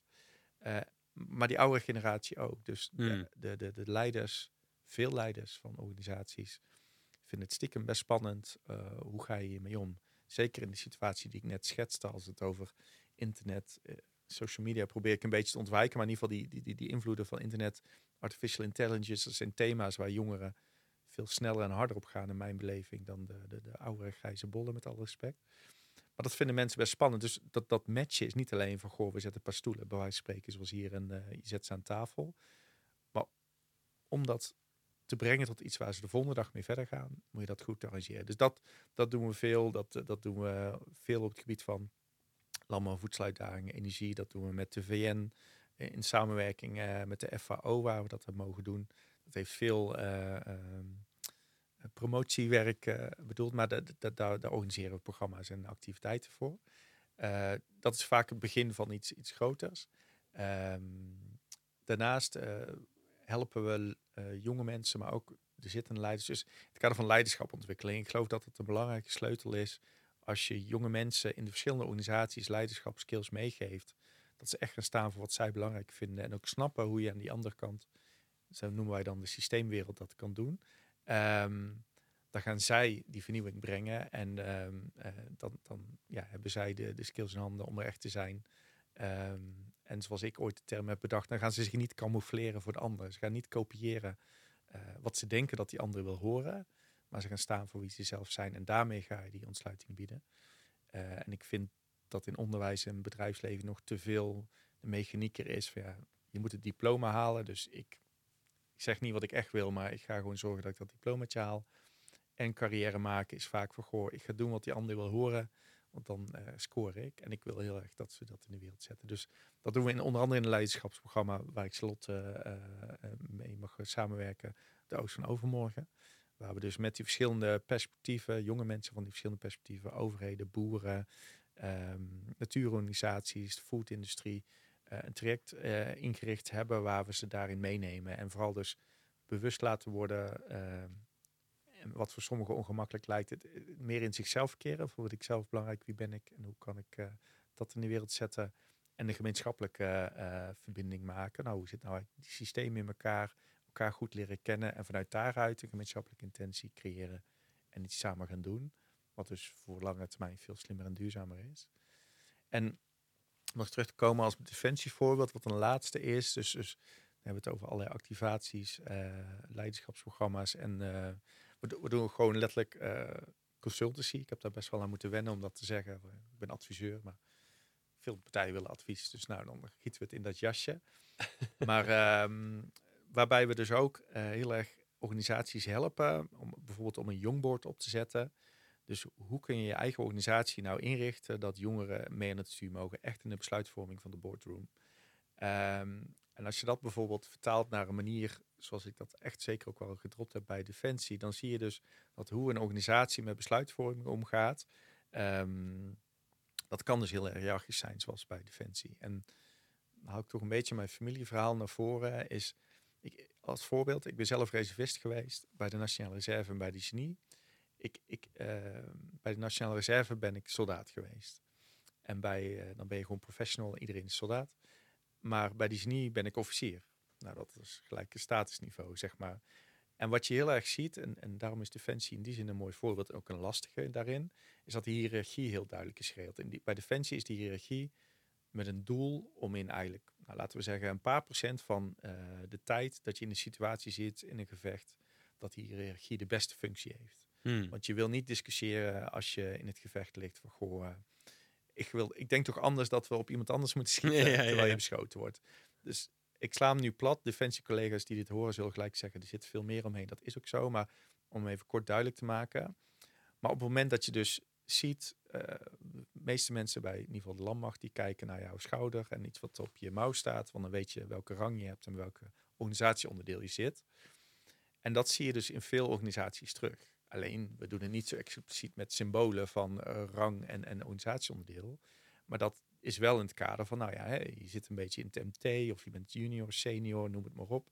Uh, lees de harkje-structuur die we met z'n, met z'n allen kennen. Uh, en op basis daarvan ga je acteren als een persoon. Ja. En is het heel bazaal van, ja, maar ik, ik wil graag hogerop. want dan heb je meer mandaat of zeggingskracht. En waar wij dus heel erg helpen uh, bij zijn organisatie is om dat inzicht te krijgen. Van nou ja, hoe kun je nou uh, perceptie van jongeren over hoe zij denken dat het in die organisatie werkt. Hoe zij vinden dat zij moeten handelen om het bedrijf verder te brengen of, of de organisatie. Uh, en dan zie je dat vaak de top die die lijnen uitzet, helemaal niet beseft dat dat zo is. En, en, en beseft dat je die jongeren dat kan vragen? Of beseft of zien ze als mensen met lege schouders? Als in uh, onderaan het harkje? Exact. Uh, de, de, de, derde klas soldaten, bij wijze van spreken. um, en, en, als je dus als, als top van die organisatie anders gaat inrichten, en om de metafoor even aan te houden, dan gaan jongeren zich misschien wel gedragen als uh, officier of generaal. Omdat ze durven die verantwoordelijkheid te nemen, omdat ze een omgeving hebben waarbij ze zichzelf mogen laten zien. En niet denken, ik word afgerekend op basis van ja, die normale carrière structuur. Van, ja. je doet maar wat hier gevraagd wordt. Um, en en nou, ik heb verschillende voorbeelden hoe ik heb mogen ervaren dat die perceptie, die misperceptie dus eigenlijk, er altijd is. Want men heeft het idee als board, als directie of soms als MT van nou, we hebben de boel zo ingeregeld. Dat zie je bij, bij bestuurlijke organen als de overheid heel erg terug. Veel jonge ambtenaren worden gedrild door hun bazen van gewoon, ja, wij gaan doen wat wij denken dat het college, de minister, de bestuurder of zo wil. Terwijl die minister, bestuurder of wie dan ook, die wil graag gewoon zo breed mogelijk advies. Maar vanuit risicomanagement gaan we dat niet doen. Want stel je voor dat. Ehm, wat ik vroeger dus ook altijd deed, en dat is geen uh, hogere wiskunde, is die ik ga altijd weggetjes vinden daartussen om te zorgen dat ik mijn verhaal zo breed mogelijk, omdat ik die nota niet kon schrijven, bij die minister kreeg. En toen kwam ik er dus achter dat de minister best wel voorstander voor wat ik wil. Maar ik, ik sloeg de hele bureaucratielijn over. Maar die minister ging mij ook ineens anders specifieren dan dat er iemand op papier ergens onder een nota stond. Nou, dat soort mechanismes doorbreken op een manier die past bij ja, doelen van zijn organisatie en van de jonge mensen, die elkaar eigenlijk altijd versterken. Wat zorgt dat jongeren blijven werken, dat jongeren enthousiast worden. En, en op dit moment is heel erg goed dat, dat, dat jonge mensen willen weten, hé, hey, maar jullie zeggen dat jullie duurzaam bezig zijn. Als ik nu eenmaal in deze organisatie ben, kom ik erachter dat jullie dat helemaal niet zijn. Hmm. Nou, durf je dat te zeggen, durf je dat te doen? Of ga je weg uit die organisatie en zie je dus dat de verloop heel groot is. Dat zijn dingen waar we bedrijven heel erg mee helpen. Uh, maar dat vraagt wat van hunzelf. En dat is een beetje het lastige in, in het ondernemerschap waar ik in zit. Waar ik over dat leiderschap ook vertelde. Ja, mensen moeten zelf iets doen. We geven niet een rapport en nou, waar ze mee naar de kamer of naar hun klanten kunnen. Nee, dat is toch niet het probleem in één keer op zonder dat ja. je hoeft te doen natuurlijk. Ja, ja, ja. ja. Dus uh, ja, en, en, en, ik vind dat mega fascinerend. Uh, uh, waarop we volgens mij nog een hele hoop wereld te winnen hebben. Even afgezien van wat wij met jonge mensen doen. Maar dat je dan kijkt van hoe kun je met elkaar samenwerken. Hoe kun je kwetsbaar zijn. Hoe kun je dat leiderschap ontwikkelen. Ja, dat, dat zit dus heel erg in mijn aard inmiddels. Van ja, wat ik zelf heb meegemaakt met zo'n uh, met opstellingen. Hoe die dynamieken werken.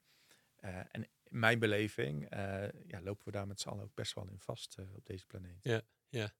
en ik zit nog met aan de puzzel, dus begrijp dit ja. als kritiek is gewoon iets wat ik eventjes probeer te verenigen met elkaar. Mhm. Dat in systemisch werkt ook, volgens mij vaak is, ik weet er wat van, maar ik ben ook geen expert, maar de, dat, dat je het beste je recht komt als je je plek ook accepteert. En je degene, je, je ouders, je ouders laat zijn en je kinderen, je kinderen laat zijn, zeg maar. Ja. Um, Werkt dat ook zo met generaties? Dus dat de oudere generatie eigenlijk ook de oudere rol moet pakken en de jongere generatie een jongere rol? Want dan, dat lijkt haaks te staan. Omdat je zegt, ja, die jongeren moeten juist wel wat zeggen. Ja. Oh, en ik, ik denk, ik, ergens, tegelijkertijd denk ik ook gelijk, als ik dat zo uitspreek, het is niet zo. Maar ik ben benieuwd hoe jouw reflectie daarop is. Nou, en, en, en ik, ik, ik, ik um Nee, ik, ik, heb dus hele mooie trainingen mogen doen en ik, ik ben er nog steeds mee bezig. Um, maar beschouw me niet als de expert daarin. Uh, als zijn, ik zou daar dolgraag met partijen onderzoek naar doen. Omdat ik wel geloof dat als je met jongeren die, die, die, die rol binnen organisaties of systemen biedt, dat dat potentieel hebben. Dat is natuurlijk mijn stelling. Um, maar je, je hebt naast familieopstellingen ook organisatieopstellingen. 100% eens uh, in ieder geval zo ben ik ook overtuigd en heb ik dat meegekregen. Uh, je, je moet je plek innemen zoals die voor jou. Hè? Ik kan niet mijn vader zijn of mijn oudere broer, et cetera. Dus je moet die plek innemen en, en ook accepteren. En, daar kun je in volle kracht en volle glorie het leven instappen. Um, waar ik een, een, uitdaging zie, waarom we met elkaar ook lastig vinden, is als ik het vertaal naar organisatieopstellingen, vertelde ik net ook heel kort van ja, we, weet je, we zijn nog heel erg gewend om die ordening te kennen in harkjesstructuren. En ik weet niet of je de plaatjes kent, maar wij filosoferen ook. Hè, we moeten, hoe komen we nou van een, uh, naar een ecosysteem van werken, zeg maar. Dus dat is veel meer organisch, gelijkwaardig, et cetera. Maar daar is natuurlijk een andere manier van ordenen dan dat je zegt van nou, ik heb de plek directeur, eh, MT of hoe dat zo werkt en hier zit ik. Um, maar als we met elkaar zeggen, hey, we moeten op een andere manier samenwerken en, en in zo'n ecosysteem uh, samenleving met elkaar aan de slag. Ja, hoe, hoe, hoe werkt die ordening dan? Hè? Mm. Uh, ik heb vanochtend ook nog zitten vertellen van ja, we moeten veel meer naar rollen en verantwoordelijkheden kijken. Ook zo'n heerlijke term die in het onderwijs ziet veranderen van hoger en lager. Mm -hmm. Nou, als je het hebt over top-down en bottom-up, heb ik dus ook vanochtend weer zitten verkondigen. Misschien moeten we daar ook kijken dat dat anders is. Dat is heel erg gebaseerd op die structuur en, uh, en die ordening. Maar hij, hij, is aan het veranderen. En hoe, hoe die is, weet ik dus niet zo goed. Maar ik geloof dus wel dat we kunnen zien dat, dat jongeren een andere plek op een aantal fronten innemen. En, eh, kijk, de biologische structuur in die familie kunnen we niet veranderen. Dat, dat, dat is gewoon zo. Maar als we naar organisaties en, en, en uh, manieren van samenwerking kijken en hoe we ons organiseren, ja, die is wel ongelooflijk in verandering. En er zou wel een andere structuur dan een hartjesstructuur kunnen zijn, zeg je? Ja, nee, nee, absoluut. Ja, absoluut. En even, ik zit nou ook na te denken, zo, reflecteren over hoe je het zegt. En, um, um, een jonge generatie kan zich braaf als een aangepast kind gedragen. Mhm. Maar dat vraagt wel dat de oudere generatie de boel als verzorgend ook goed regelt. Exact. Dus als je merkt dat het toch niet klopt, is het helemaal niet zo gek om te gaan rebelleren. Zeg maar. Ja. Um, en dat vraagt wel dat er ook communicatie ontvangen wordt dan vervolgens. Um, nou, dat klinkt de schuld bij de, uh, de, de, de, de oudere generatie te leggen. Mm -hmm. uh, voor een deels is dat uh, waar. En op een deels is dat misschien gebrek aan empathie, zeg maar, voor hoe het toen was. Het is altijd makkelijk. Ja. Het is net alsof ik zeg nu tegen studenten: jullie hebben het allemaal heel makkelijk. Waarom besef je dat niet? Ja, dat deed ik ook niet toen ik dat was. Um, dus dat heeft iets daarvan. Maar uh, nee, daar zit ik aan te denken. Dus dat, dat het ook wel vraagt dat het. Nou, nou je, je noemt iets heel moois, vind ik. Um, ik zeg heel eerlijk bij waarom ik het ook wel lastig vind om, om, om, mijn onderneming heel duidelijk te maken als het gaat over nou, uh, product A, B of C of dienst. Ja. Um, omdat het eh, voor mij betreft een, een wederkerigheid is. Hè? Dus uh, hoe een jongere acteert naar de oude generatie, dat heeft effect op elkaar. We, ik noem dat zelf wat een beetje het lemniskaat, wat, wat altijd blijft, uh, wat je altijd blijft rondgaan. Um, dat is een oneindig teken. Ja, ja, ja, ja, precies. Dus um, goed om het uit te leggen aan de hand van de extreme. Hè? Dus, dus ik vind als je extra intelligent bent, de partijen die nu roepen van goh, we hebben hele complexe problemen. En ik denk, ja, er zijn mensen die heel goed zijn met hele complexe problemen. Dan moet je die daaraan matchen. Uh, en dat conflicteert gelijk waarschijnlijk met de, de en hoe we georganiseerd zijn. En een ander voorbeeld is, wij werken ook met de doelgroep jongeren die, die een beperking hebben. En daar heb ik ook van, van een inspirerend voorbeeld wel geleerd. Is ja, de manier waarop de samenleving met zo'n persoon met een, met een, met een handicap omgaat dat stimuleert ook wel het gedrag zoals iemand zich gaat opstellen. En dan moet je best wel van ver komen, daar hebben we het weer over leiderschap, als je je daartegen verweert. Want als iedereen zegt van ja, moet ik jou helpen, want dit kun je niet, dan ga je zelf ook daarna handelen. Ja. Dus deze beste man, Kees Jan, uh, topsporter trouwens, waar ik veel mee werk, op dit gebied, die, die, die zegt ook, weet je, als ik in mijn rolstoel zit, ik val om. Op het moment dat jij al de vraag stelt, wil ik je helpen? En ik zeg ja, wat niet vaak mensen doen, dan vindt men dat lastig. Maar ook, ja, als ik geholpen word om op te staan, leek het nooit zelf. Hmm. Um, maar het doet ook iets met, met de beeldvorming, hoe, hoe je gevormd wordt met elkaar. En dat is, vind ik in een extreem wel eentje die ik zelf dus ook zie. Dus als wij als, wat jij net zegt, hè, als oude generatie jongeren op een bepaalde manier uh, behandelen, maar vice versa dus ook, dan hou je iets in stand met elkaar. Ja. Ja. En daar interventies voor vinden, dat je dat anders gaat doen. Gaat zorgen dat je ja, iets meemaakt wat je misschien nog nooit had meegemaakt, omdat we het met elkaar in stand hielden. Dat iets wat ook in de, in de belevingseconomie bijvoorbeeld terugkomt, dat heel erg belevings- en transformatie-economie gaat. Weet je, een beleving um, die je bijvoorbeeld creëert die je er nooit gehad hebt, dat is heel lastig voorstellen als je het eenmaal gedaan hebt, wil je het nooit meer terug. Wil, hmm. wil je dat altijd blijven hebben. Was een leuke ervaring, was tenminste. Ja, nee, over het algemeen van waardevolle ervaring in, in werk. maar ja. Ja, maar dat, en, want, want nou ja, van, van uh, geen prettige ervaring kun je ook heel erg groeien. Maar het voorstellingsvermogen om, om dat dus te kunnen doen, in dit hmm. geval voor die nou, studenten of jongeren en die zittende generatie, ja, daar hebben we heel erg hulp bij nodig. En, en daar geloof ik dat leiderschap een, een sleutel is om met elkaar uh, ja, dat vernieuwen in te gaan. Hè? Dus uh, bij wijze van spreken, je ziet ook veel organisaties, in ieder geval bij de overheid, nu heel veel bezig met, uh, nou we gaan opstellingen doen. alleen in mijn persoonlijke mening is dat niet gelijk de oplossing. Maar dan zie je wel ineens een heel domein aan instrumenten opengaan. Waar je zegt van hé, maar dat, dat, daar is een groep ooit mee bezig geweest, die heeft die positieve beleving gehad. En nu wordt het een soort van normale dat je dat gaat doen. Nou ja, hoe we dat met jonge mensen in interactie met jonge mensen kunnen doen, ik, ja, daar werk ik heel erg aan. Uh, um, ja, ik, ik, geloof dat dat werkt. Ja, ja. En je, je noemde net al de, de Oost van Overmorgen, het programma waar je ook met uh, Charlotte en uh, Sanne ja. mee, in werkt. Um, hoe kwam het, het regeneratieve en het, en het, het, op een andere manier, dus naar landbouw en natuurbeheer gaan kijken, volgens mij, dan dat je misschien vanuit je opleiding of vanuit eh, Ja. de, de biologische boer eh, waar je ooit werkte eh, misschien nog wel gewend was. Want dit is nog wel een stapje verder en anders kijken, denk ik. Hoe is dat op je pad gekomen? Ja. Nou, dat, dat, dat, dat anders kijken, denk ik dat het beste en het meeste resoneert met, met, met oost en overmorgen. Maar inderdaad, regeneratief is daar absoluut een belangrijk onderdeel in. Ehm, dan verleid je me gelijk om het nadenken over wat regeneratief werken zou zijn. Maar ik, ehm, ik ben erin terechtgekomen omdat ik, eh, nou, de oost en overmorgen heb ik zelf veroorzaakt. dat wilde ik gaan doen. Ja. Eh, maar ehm, ik ben uitgenodigd door eh, onder andere Commonland, waar die bezig zijn met ecosysteemherstel, landschapsherstel, om in een trek mee te doen waar 90 leiders uit Nederland gingen nadenken over de landbouw- en voedseltransitie, om daar impact in te hebben. En daar was ik er een van. Ehm, eh, waar ik werd, eh, waar ik heel blij mee was, omdat ik onder andere Theory U in de praktijk mocht brengen. Dus Presencing Instituut met een methodiek met theorie U, om het in goed Nederlands te zeggen. Ja, van, Eh, van Otto Scharmer. ja, van Otto eh daarmee in de Ja. slag gaat. Waar ik trouwens dus heel veel resoneer als het gaat over die familieopstelling, die sociale dimensie. En waar we eigenlijk, wat mij betreft, proberen te voorkomen dat we toen nog met de, de landbouwtrekkers en de protesten van polarisatie heel erg eh, naar samenwerking keken. En hoe kun je nou, vertragen, het systeem leren kennen en echt samen vanuit gezamenlijke intentie die vernieuwing brengen.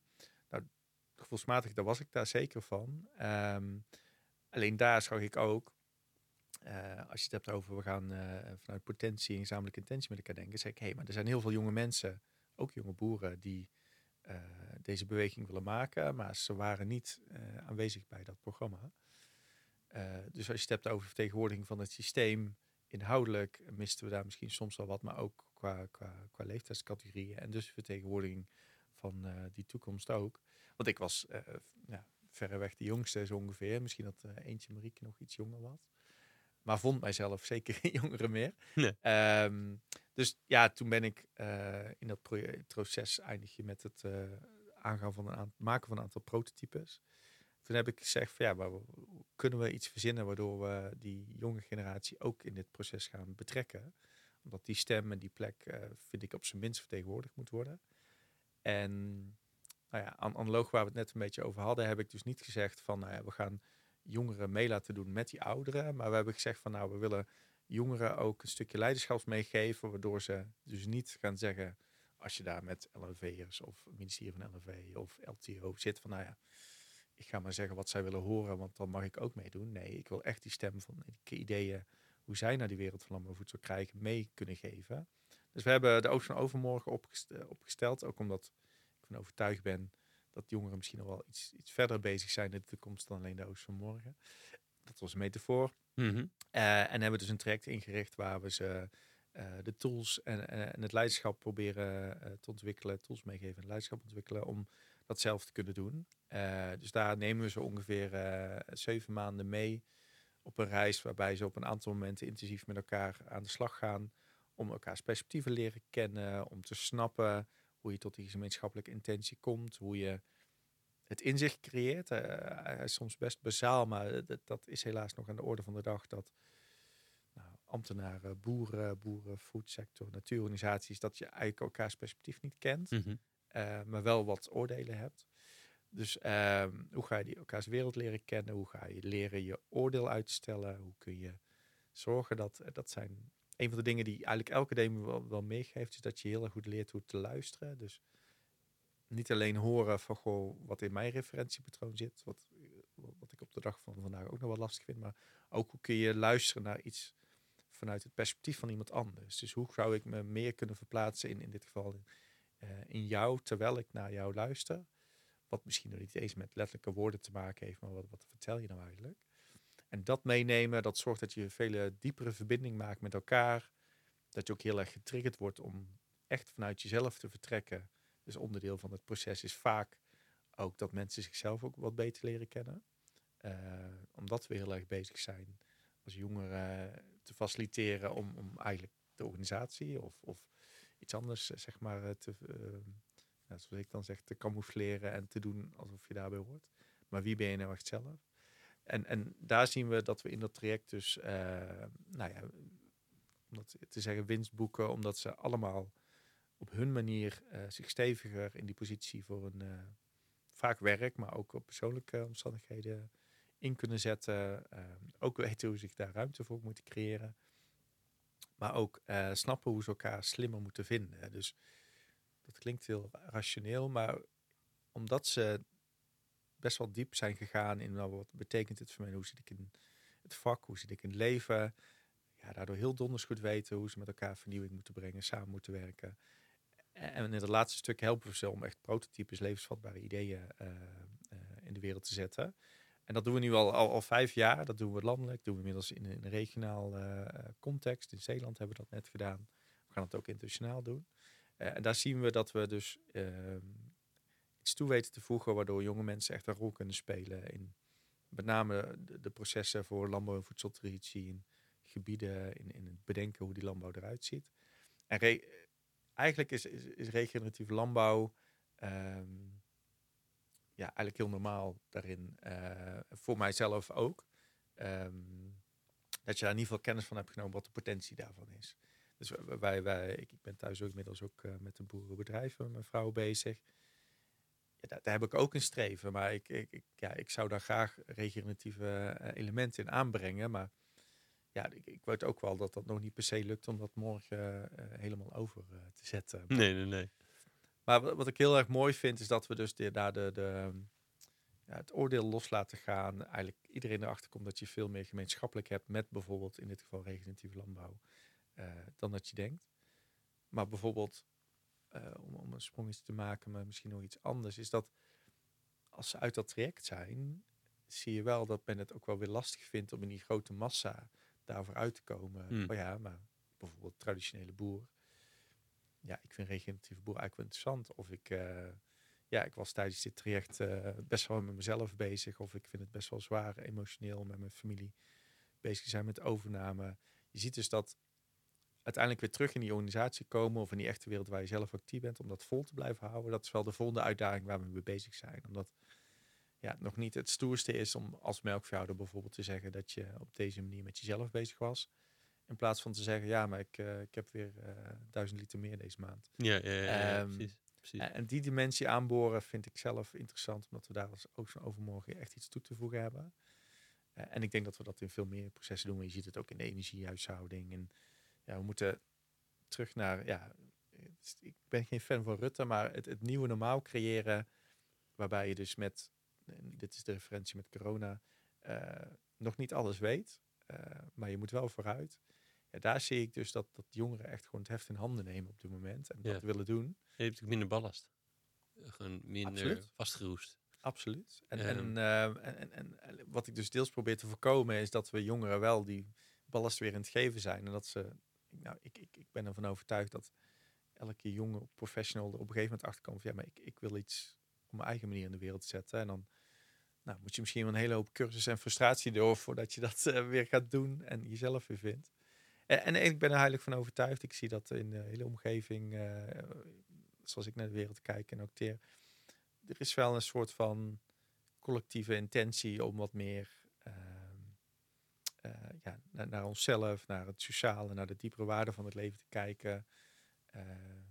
Ik wil geen filosofische discussie aansnijden, maar ja, ik denk dat dat wel ontzettend nodig is. Dat mensen ook wel beu zijn om, niet met de oorlog zeker, die gaande zijn. Van ja, weet je, we kunnen volgens mij samen aan die oplossing werken. En vraagt misschien meer van mijzelf dan dat ik ga wijzen naar iemand anders. Jij doet het verkeerd. Ja, ja. Nee, ik geloof dat het een hele wezenlijke vraag deze tijd is. Ja. Zoveel, ik zei net al een beetje, de, de, de, de oudere, over een oudere generatie die, nou ja, gewoon, gewoon met z'n allen uh, hebben we een hoop zaken niet zo best uh, gedaan de afgelopen decennia. Ja. Uh, en vaak zijn het dan, als je gewoon historisch terug vaak de jongere generatie die daar, die daar aan wat meer lak hebben aan de, hoe het was. En, en, wat meer makkelijker het vinden om dingen te bevragen. Ja. Wat vaak ook leidt tot natuurlijk hoop frictie. Ja. Um, tussen jong en oud. Tussen de, en dan in leeftijd, maar ook de, de, de, degene, de, de jonge en oude boeren. Niet in leeftijd, maar de, de, die, wat we vinden dat de nieuwe boer moet doen en de oude boer doet. Ja. Of de, en dat geldt voor elk systeem, van energiesysteem tot en wat ik wel mooi vind toen je het vertelt, is dat, ze de, dat je zowel uh, die jongeren meer kracht wil geven, want die, er moet een vernieuwing aangezwengeld worden, ja. maar toch niet die, de, de, de, de oude generatie, dus multi, multi uh, oud. Niet alleen een leeftijd dus. Ja, ja, ja. Uh, maar wel altijd erbij verbindt weer. Of weer zoekt hoe dat, hoe dat daarmee samen kan gaan. Dan wel ja. in, in, in hiërarchische organisaties, dan wel in ja, die weer terug en, en uh, naar huis kunnen. Of naar je, naar je buren, je buurboeren. Ja, ja, ja, ja. en, en, en, dat het toch een stoer verhaal mag zijn. Uh, en hoe ga je daarmee om? En los, los van het feit, dan hoef je niet te zeggen dat die andere iets anders moet horen. Nee, je, je wil ja, je, moet, je moet ze ook weer inbedden op een manier. Ja. En zo dat we elkaar ook dus niet kwijtraken. Ja, nou, nou absoluut. En, en, we proberen, of in ieder geval ik, in mijn, mijn uh, ondernemende carrière, zeg maar, ook best wel aan het pionieren geweest van hoe, hoe breng je dat nou goed voor het voetlicht. En wat ik denk, de afgelopen jaar goede metafoor heb gevonden, die dus dichterbij lag dan ik dacht. Maar een natuurmetafoor is dat we dus heel erg bezig zijn van als we dit soort zaken in de wereld willen zetten met jongeren, dan moet je dus zorgen dat ze voedingsbodem hebben om te groeien. Dus mm. uh, je kan niet verwachten van een, uh, als je de jongeren met zijn nieuwe idee als, als zaadje ziet, van nou, je kan dat planten. En, en, als je het hebt over regeneratief en je zorgt dat die bodem verarmd is. Als je dat uh, ziet met de organisaties en hoe we met elkaar samenwerken op dit moment, vind ik dat dat zo is. Um, dus je moet een transitie door dat je die voedingsbodem goed creëert en, en dan dat plaatje van die jongeren kan, kan planten. En of dat nou binnen je organisatie is waar die jongeren een baan krijgt, of, of je opleiding waar die jongeren uh, een leerpad uh, oppakt. Dat vraagt wat van, van die tweede. Dus bodem en stijl, regeneratieve regeneratie, wat natuurlijk belangrijk element is om die bodem te herstellen. Dat, dat is iets wat ik in de, in, in de, de, menselijke zin uh, probeer te doen. Dus ja dat maakt het dus lastig, zeg ik wel eens. Zo ervaar ik het althans bij mijn verjaardag om te vertellen wat je doet. Maar je hebt dat nodig. Je kan ook niet tegen de jongeren zeggen, weet je, jullie hebben goede ideeën, los jullie het maar op. En wij liggen als oude generatie bij wijze van spreken uh, lekker in de weg. Um, dat, dat, daar heb je die ruimte voor nodig, of die voedingsbodem. En het besef, denk ik, begint te komen dat, dat ja, de oude generaties denken van potverdorie hebben. We hebben ook gewoon andersoortige oplossingen nodig, want we, we weten het niet meer. Um, in, in, wat een mooie U-bocht is in, uh, in, in mijn eigen verhaal, uh, waar ik zelf nog aan het zoeken ben, is um, als je het in landbouw- en voedseltransitie nu praat, dan, dan hebben we heel erg last van het feit hoe het ging na de oorlog. Uh, mijn grootouders namen een keuze, zoals ik het in ieder geval heb meegekregen, om lid te worden, om werk te krijgen, om inkomsten om mijn gezin te voeden. Mm. Want ze hadden honger. Na de oorlog is natuurlijk het verhaal nooit meer honger en, en Mansel die ze beleid heeft ingezet waar we nu eigenlijk de, ja, de lasten van ervaren, omdat we het nooit meer hebben aangepast naar de context van, uh, van nu. Ja. Dus er zit een interessante dynamiek van uh, ja, ook een kader van conflict. Hoe, hoe, hoe, we met elkaar dus aan de voorkant zorgen dat we de potentie benutten voor de oplossing die er is en niet wachten tot het te laat is. Want dat zorgt denk ik tot veel polarisatie, tot erger aan toe. Uh, nou ja, dat, dat, is wel waar ik, waar ik ook letterlijk voel dat ik denk, verder heb ik wat te brengen. Um, en steeds meer ook met mijn eigen verhaal. Ehm, ik zocht het altijd in de inhoud van, nou, je moet zo uh, boeren of je moet zo met energie omgaan. Maar het zit veel meer in, in, in de inspiratie van mensen onder elkaar. Hoe je in je werk kan gaan zitten en hoe je durft misschien wel het juiste te doen. En daarvoor uit te komen en niet, niet te zeggen van, nou, ik doe maar wat de rest doet. Want ja. daarmee komen we wel. Want dan heb ik tenminste een goede carrière. Ik heb het één oog op de tijd. Ja. Ik had nog graag meer over je uh, veel meer. We kunnen gewoon even, even door, denk ik. En, en nog meer over jouw reis als ondernemer.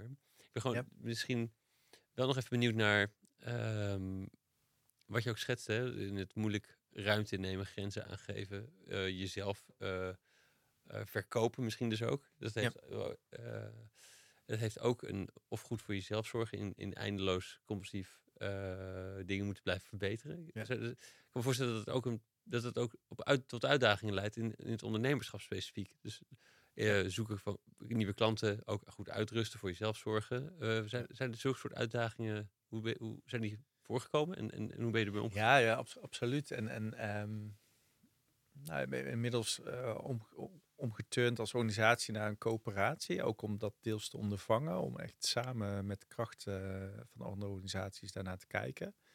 Maar, uh, want daarvoor was ik uh, ZZP'er en, en um, ja, daar, daar resoneerde dus die hele persoonlijke dynamiek dus heel erg met je ondernemerschap. Dus daar waar ik met klanten aan de slag moet, was het natuurlijk gelijk van ja, op het moment dat mensen iets vroegen, dan, ja, dan ga ik incasseren of dan ga ik helpen.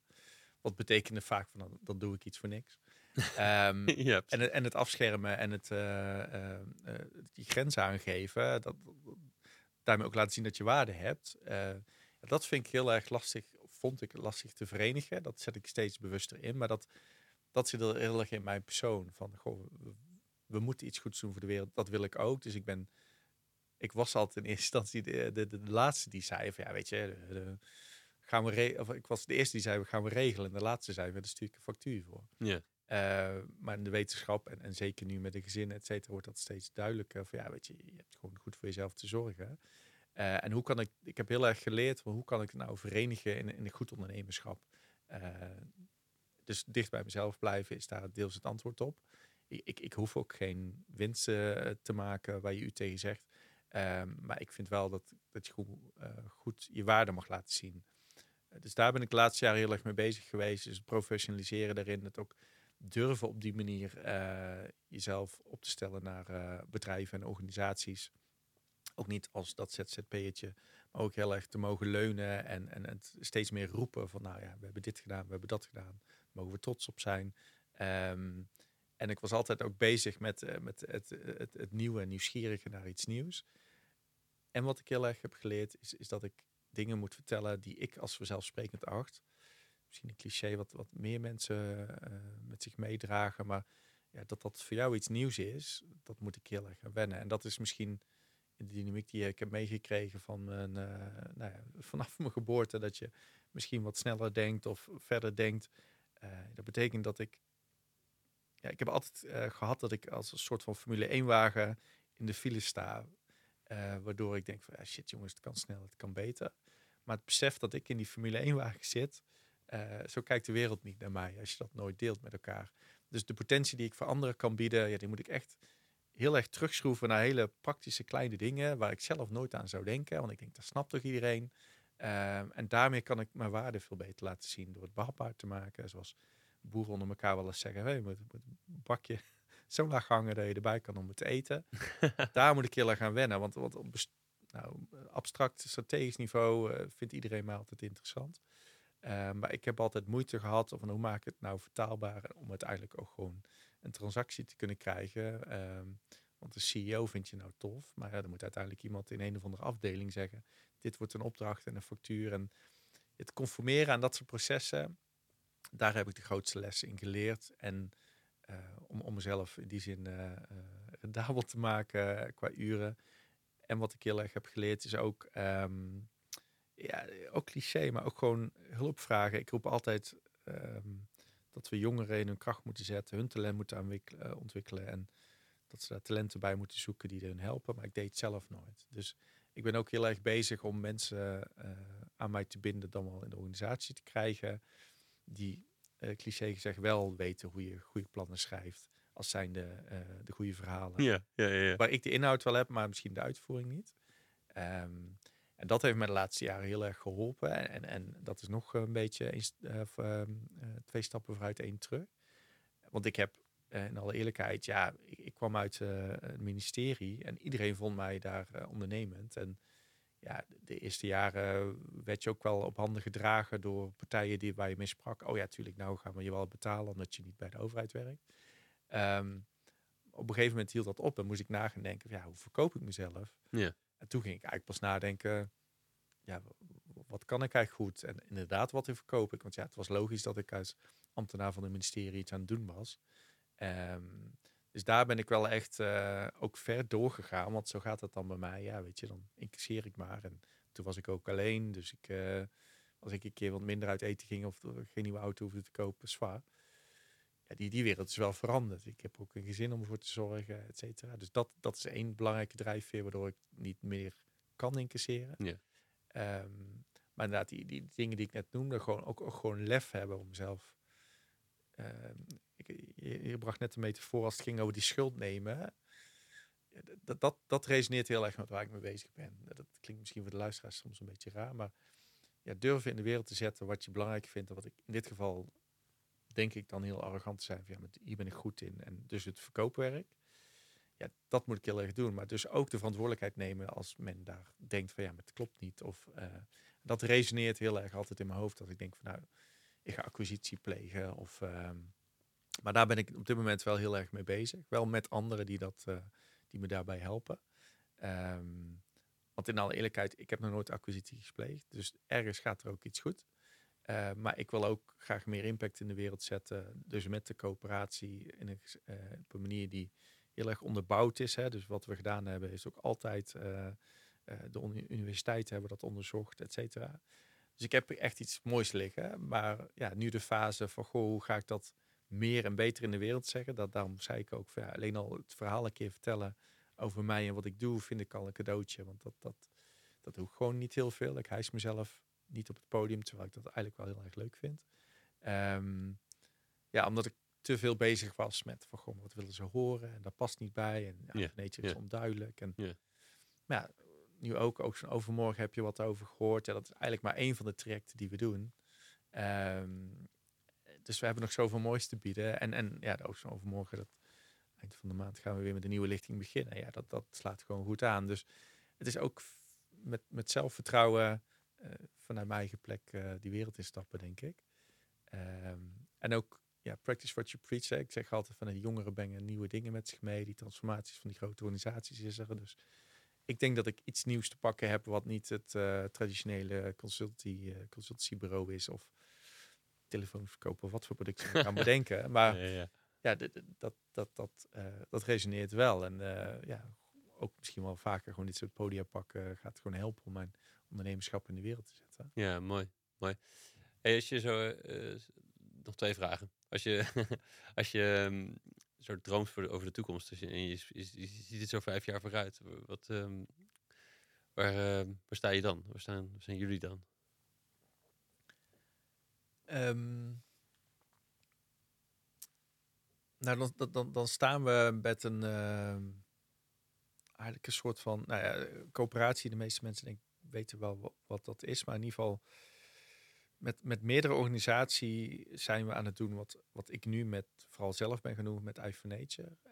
Um, dus die, die achterban zal groter zijn, waarbij we hopelijk in heel veel organisaties een jongboard hebben geïnstalleerd. Uh, dat we in niet alleen in Nederland hebben dat nu gedaan, maar ook in de institutionele sfeer jongboards hebben gecreëerd. Jongeren dus input hebben bij de Rijksoverheid op dit soort thema. Echt ook hun plek op die manier uh, hebben gecreëerd. Um, en dat er nog meer tastbare beleving is voor wat iPhone doet. Want, en, daarmee wil ik zeggen, ik ben dus ook een boerenbedrijf aan het overnemen met mijn vrouw. En daar hebben we het cadeautje, vind ik, dat we daar letterlijk de Oosten overmorgen kunnen laten zien. Um, dus ik hoop dat dat letterlijk is een plek waar ik jou mag ontvangen, uh, bij wijze van spreken, om uh, het gesprek nog een keer te voeren in de context van waar ik, waar ik het nu allemaal over heb. Waar jongeren uit de hele wereld aanwezig zullen zijn, omdat we ja, daar het landschap bieden om zichzelf te gaan ontwikkelen. Te leren, het leiderschap op te doen voor die Oost- en overmorgen. en, en dat op plekken, andere plekken in de wereld. Dus we zijn, we zijn nu bij een aantal fora gewoon aangehaakt, zoals ik zei, de FAO in Rome, het World Food Forum waar we partneren om te zorgen dat, dat jongeren op het landbouw- en voedselgebied dat kunnen. Maar we zijn dat ook met eh, de energie en met uh, klimaat en veiligheid misschien wel iets met defensie aan het doen. Dus um, ik hoop dat, en daar werk ik dus keihard over vijf jaar, op verschillende plekken een hele mensen erachter komen, shit, hier zit iPhone dus ook achter. Die voedingsbodem is hier dus gelegd. Maar dat ze wel uh, met trots daar onderdeel van, met, met eigenheid onderdeel van me uit mogen maken. Uh, en zoals de natuur, die metafoor hang ik in ieder geval uit, ja, in biodiversiteit veel meer floreert en, en sterker is, zal dat met Eye Nature ook zijn. Dus dat Ocean Overmorgen kent geen Eye Nature in de naam, maar uh, draagt dat, wordt wel gedragen door Eye. En dus die voedingsbodem moet tot volle glorie komen met allerlei bloemen en planten die daar bloeien. En zo zal het met de initiatieven van Eye Nature ook zijn. En ja, dat ik verhalen aan het vertellen ben uh, die dat allemaal voor de kijker of de luisteraar uh, bij elkaar brengt. Dat, uh, dat hoop ik sowieso meer te doen. ja, leuk. Dat leuk. anderen de oosten van overmorgen aan het draaien zijn. Ja. Goeie. Hey, laatste dan. Um, ik je vooraf al voor gewaarschuwd. De, de, de inspiratiebron. Dus dingen waar jij inspiratie uit put of, of die je zou willen tippen aan de luisteraars. Ja, nou, wat ik, uh, dat wordt natuurlijk erg gekleurd door, uh, de, de, door waar ik uh, gefascineerd door ben. Maar um, kijk, één man, en, en hij, hij, is wel op leeftijd, maar ik, ik vind hem geniaal. Ook als het gaat over de vermakelijkheid waarin hij zijn kennis overbrengt. Dat is professor Ken Robinson hmm. uit de UK. heeft een aantal hele bekende TED-filmpjes, TED-talks gedaan. Maar ook dus wetenschapper. En met deze thema's bezig van, van, van potentie van mensen. Um, heeft een heel mooi boek geschreven, Out of Our Minds. Dus die ook uitdaagt vanuit de wetenschap gedreven van nou om breder te kijken naar de potentie van mensen en waarom we uh, meer creativiteit, daar het vooral op, uh, uit mensen kunnen halen voor de uitdagingen van vandaag of morgen. En wat ik ook heel erg mooi vind, is, is en de humor, de Britse humor die hij erin brengt. Dus ik vind zeker in het onderwijs, maar überhaupt, hè, het hoeft niet alleen maar saaie rapporten te zijn, maar hij doet dat op een hele vermakelijke manier. Um, maar hij brengt wat heel veel mensen nu, hè, de, de, de ordening waar ik bij Defensie en onderwijs laag en hoog, hij had heel erg ehm, die, die, die top-down en bottom-up eruit. Door heel erg te focussen op het feit, maar wat is de waarde nou die mensen toevoegen? Dus de waarde, we schatten brandweermannen en zusters en zo in. Uh, als zijn dat dus laag opgeleid, noem het maar op. Terwijl de waarde voor het redden van levens natuurlijk gigantisch hoog is. En ik vind het echt heel tof hoe hij dus ons allen weer op de plek zet. Van ja, maar dit zijn de dingen die we belangrijk hebben als, uh, in de samenleving. En iedereen daartoe uitdaagt om op die manier mee te kijken. En, en ik denk dat humor ook een hele mooie manier is om een soort van samenbinding te hebben, om daar wat onderzoekender in te zijn dan nou ja, de polarisatie aan de andere kant. Dus, dus, dat vind ik echt een hele, e-, hele mooie inspiratiebron. Ik, ik kan zelf de, de filmpjes nog tot op de dag vandaag kijken met plezier. Al heb ik ze honderd keer gezien. maar dat daagt misschien ook mensen uit om, om, om naar zichzelf te kijken. Van, ja, zonder dat oordeel van hoog, laag of wat dan ook. Van nou, wat heb ik in de wereld te brengen? En ja, het, het, is misschien een beetje cliché, maar ik ga hem dan toch noemen, want ik heb er natuurlijk over nagedacht. Um, ik ben fan, maar ik kijk dus ook met deze bril naar het programma Britain's Got Talent. Oké. en ja. um, het is. Uh, nou, ik ben geen fan van Hollands Got Talent, kan ik je vertellen, want het is natuurlijk ook een commercieel model uh, qua televisie maken. Maar zeker als je naar de beginjaren kijkt en het wordt door de BBC of in ieder geval, wat is het, uh, eh, ITV inmiddels, wordt ook gigantisch mooi in beeld gebracht. Maar wat ik echt, ik kan daar letterlijk door ontroerd raken, is hoe je ziet hoe eigenlijk iedereen uh, daar een podium krijgt. Iedereen krijgt daar een applaus, wat al heel bijzonder is, denk ik, wat een hele hoop mensen zouden mogen hebben. Ga maar eens een keer voor een zaal staan, krijg maar eens een applaus, kijken wat dat doet met je. Maar wat ik heel mooi, iedereen mag daar gezien worden en natuurlijk gaat die jury daar heel kritisch mee om. Maar wat ik zo mooi vind, is hoe je dus die persoonlijke ontwikkeling kan zien. Als je een keer in volle glorie uh, jezelf mag zijn. En de spanning die er soms in naar voren komt. Uh, en wat het doet met mensen. Uh, en dat mag oud of jong zijn hoor, daar gaat het me niet om. als ze op dat podium een keer ja, letterlijk die spotlight mogen staan. en ook al gaan ze met, met veel humor, als zijnde voor een grote grap, dit stelt niets voor, eraf. Het, het, het doet wat met je. En dat, dat, dat gun ik iedereen om op die manier naar dat programma te kijken. Kijk vooral ook naar Britain's Got Talent.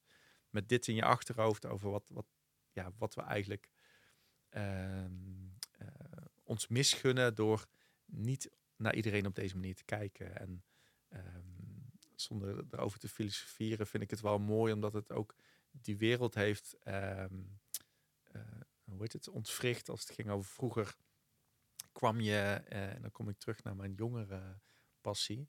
Kwam je ergens in beeld als er een platenmaatschappij was, uh, de Michael Jackson van deze wereld. En dan in zo'n niche mocht je op het podium komen. En nou zie je ineens dat ja, er zijn misschien wel, wel honderden Michael Jacksons met kwaliteit die door dit soort programma's op het podium moeten komen. En ja, dat, dat gun ik gewoon iedereen, dat, ja, dat je die potentie uh, van mensen mag zien en dat je ja, iedereen in het lip mag staan.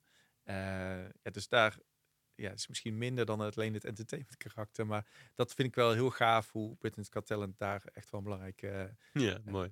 Beweging in gang heeft gezet. Mooi. Mooi. Hey, mooi. Dankjewel. Dankjewel dat je hier wilde zijn op deze nou ja, kerstverse, uh, kerstvers zoontje thuis. dat je weer heen wilde komen. En dankjewel voor, voor al je werk. Ik vind, het, ik vind het heel mooi je reis te horen. En ook hoe je alle stations van je reis ook nog steeds weer verbindt aan elkaar en, en nog steeds een rol speelt. En uh, ook overbrugt naar een soort verbeterende versie van waar dat station vroeger was, waar het nu heen kan. Of zo. Dus bruggenbouwer. Mooi. Ja, nou ja, dat, dat, uh, fijn dat je dat er zo uithaalt. Dat, uh, dat is toevallig wel een hele mooie term waar ik de laatste tijd veel mee geconfronteerd word in de goede zin van het woord. Uh, ja, bruggenbouwer. Ja. Leuk, leuk. Dankjewel. Nee, nee, super dank voor je uitnodiging en heel fijn om zo met je in gesprek te gaan en het verhaal uit mij naar boven te halen. Nice. nice. goed. Ja, dat was hem alweer. Heel erg leuk dat je helemaal tot het eind hebt geluisterd. Dankjewel. Abonneer je op de podcast om zeker te weten dat de volgende aflevering jou ook vindt. Wil je niet wachten, maar weet je niet welke aflevering je moet kiezen? Op de website vind je verzamelingen afleveringen rond verschillende thema's van het ondernemerschap. Zoals co-founderschap, visionairs die het systeem veranderen en het uitvinden van welke vorm van een bedrijf bij jou past. Deze vind je naast uitgebreide show notes met alle lessen en links van alle afleveringen op www.studiogeorge.nl/podcast. En ik probeer in mijn interviews met mijn gasten de belangrijkste inzichten te ontdekken van hun reis als ondernemer. De kern van hun lessen kun je wekelijks tot je nemen door je in te schrijven voor mijn nieuwsbrief Shots of Strategy. Elke vrijdag deel ik daar of de drie belangrijkste inzichten van het gesprek, of een oefening, een tool of een deep dive in een leiderschapsthema van ondernemers. Schrijf je in op www.studiogeorge.nl slash shots of strategy, allemaal aan elkaar. Als laatste, wil je groeien in je ondernemerschap? Ik help je graag om heel helder te krijgen wat je visie en waarden zijn. En om daar een bedrijf bij te ontwikkelen dat slim werkt, bij jou past en het impact maakt. Een mix tussen coaching en advies. Een mix tussen business skills en persoonlijk leiderschap. Kijk op www.studiogeorge.nl slash coaching voor de opties. Heb een goede dag en tot de volgende.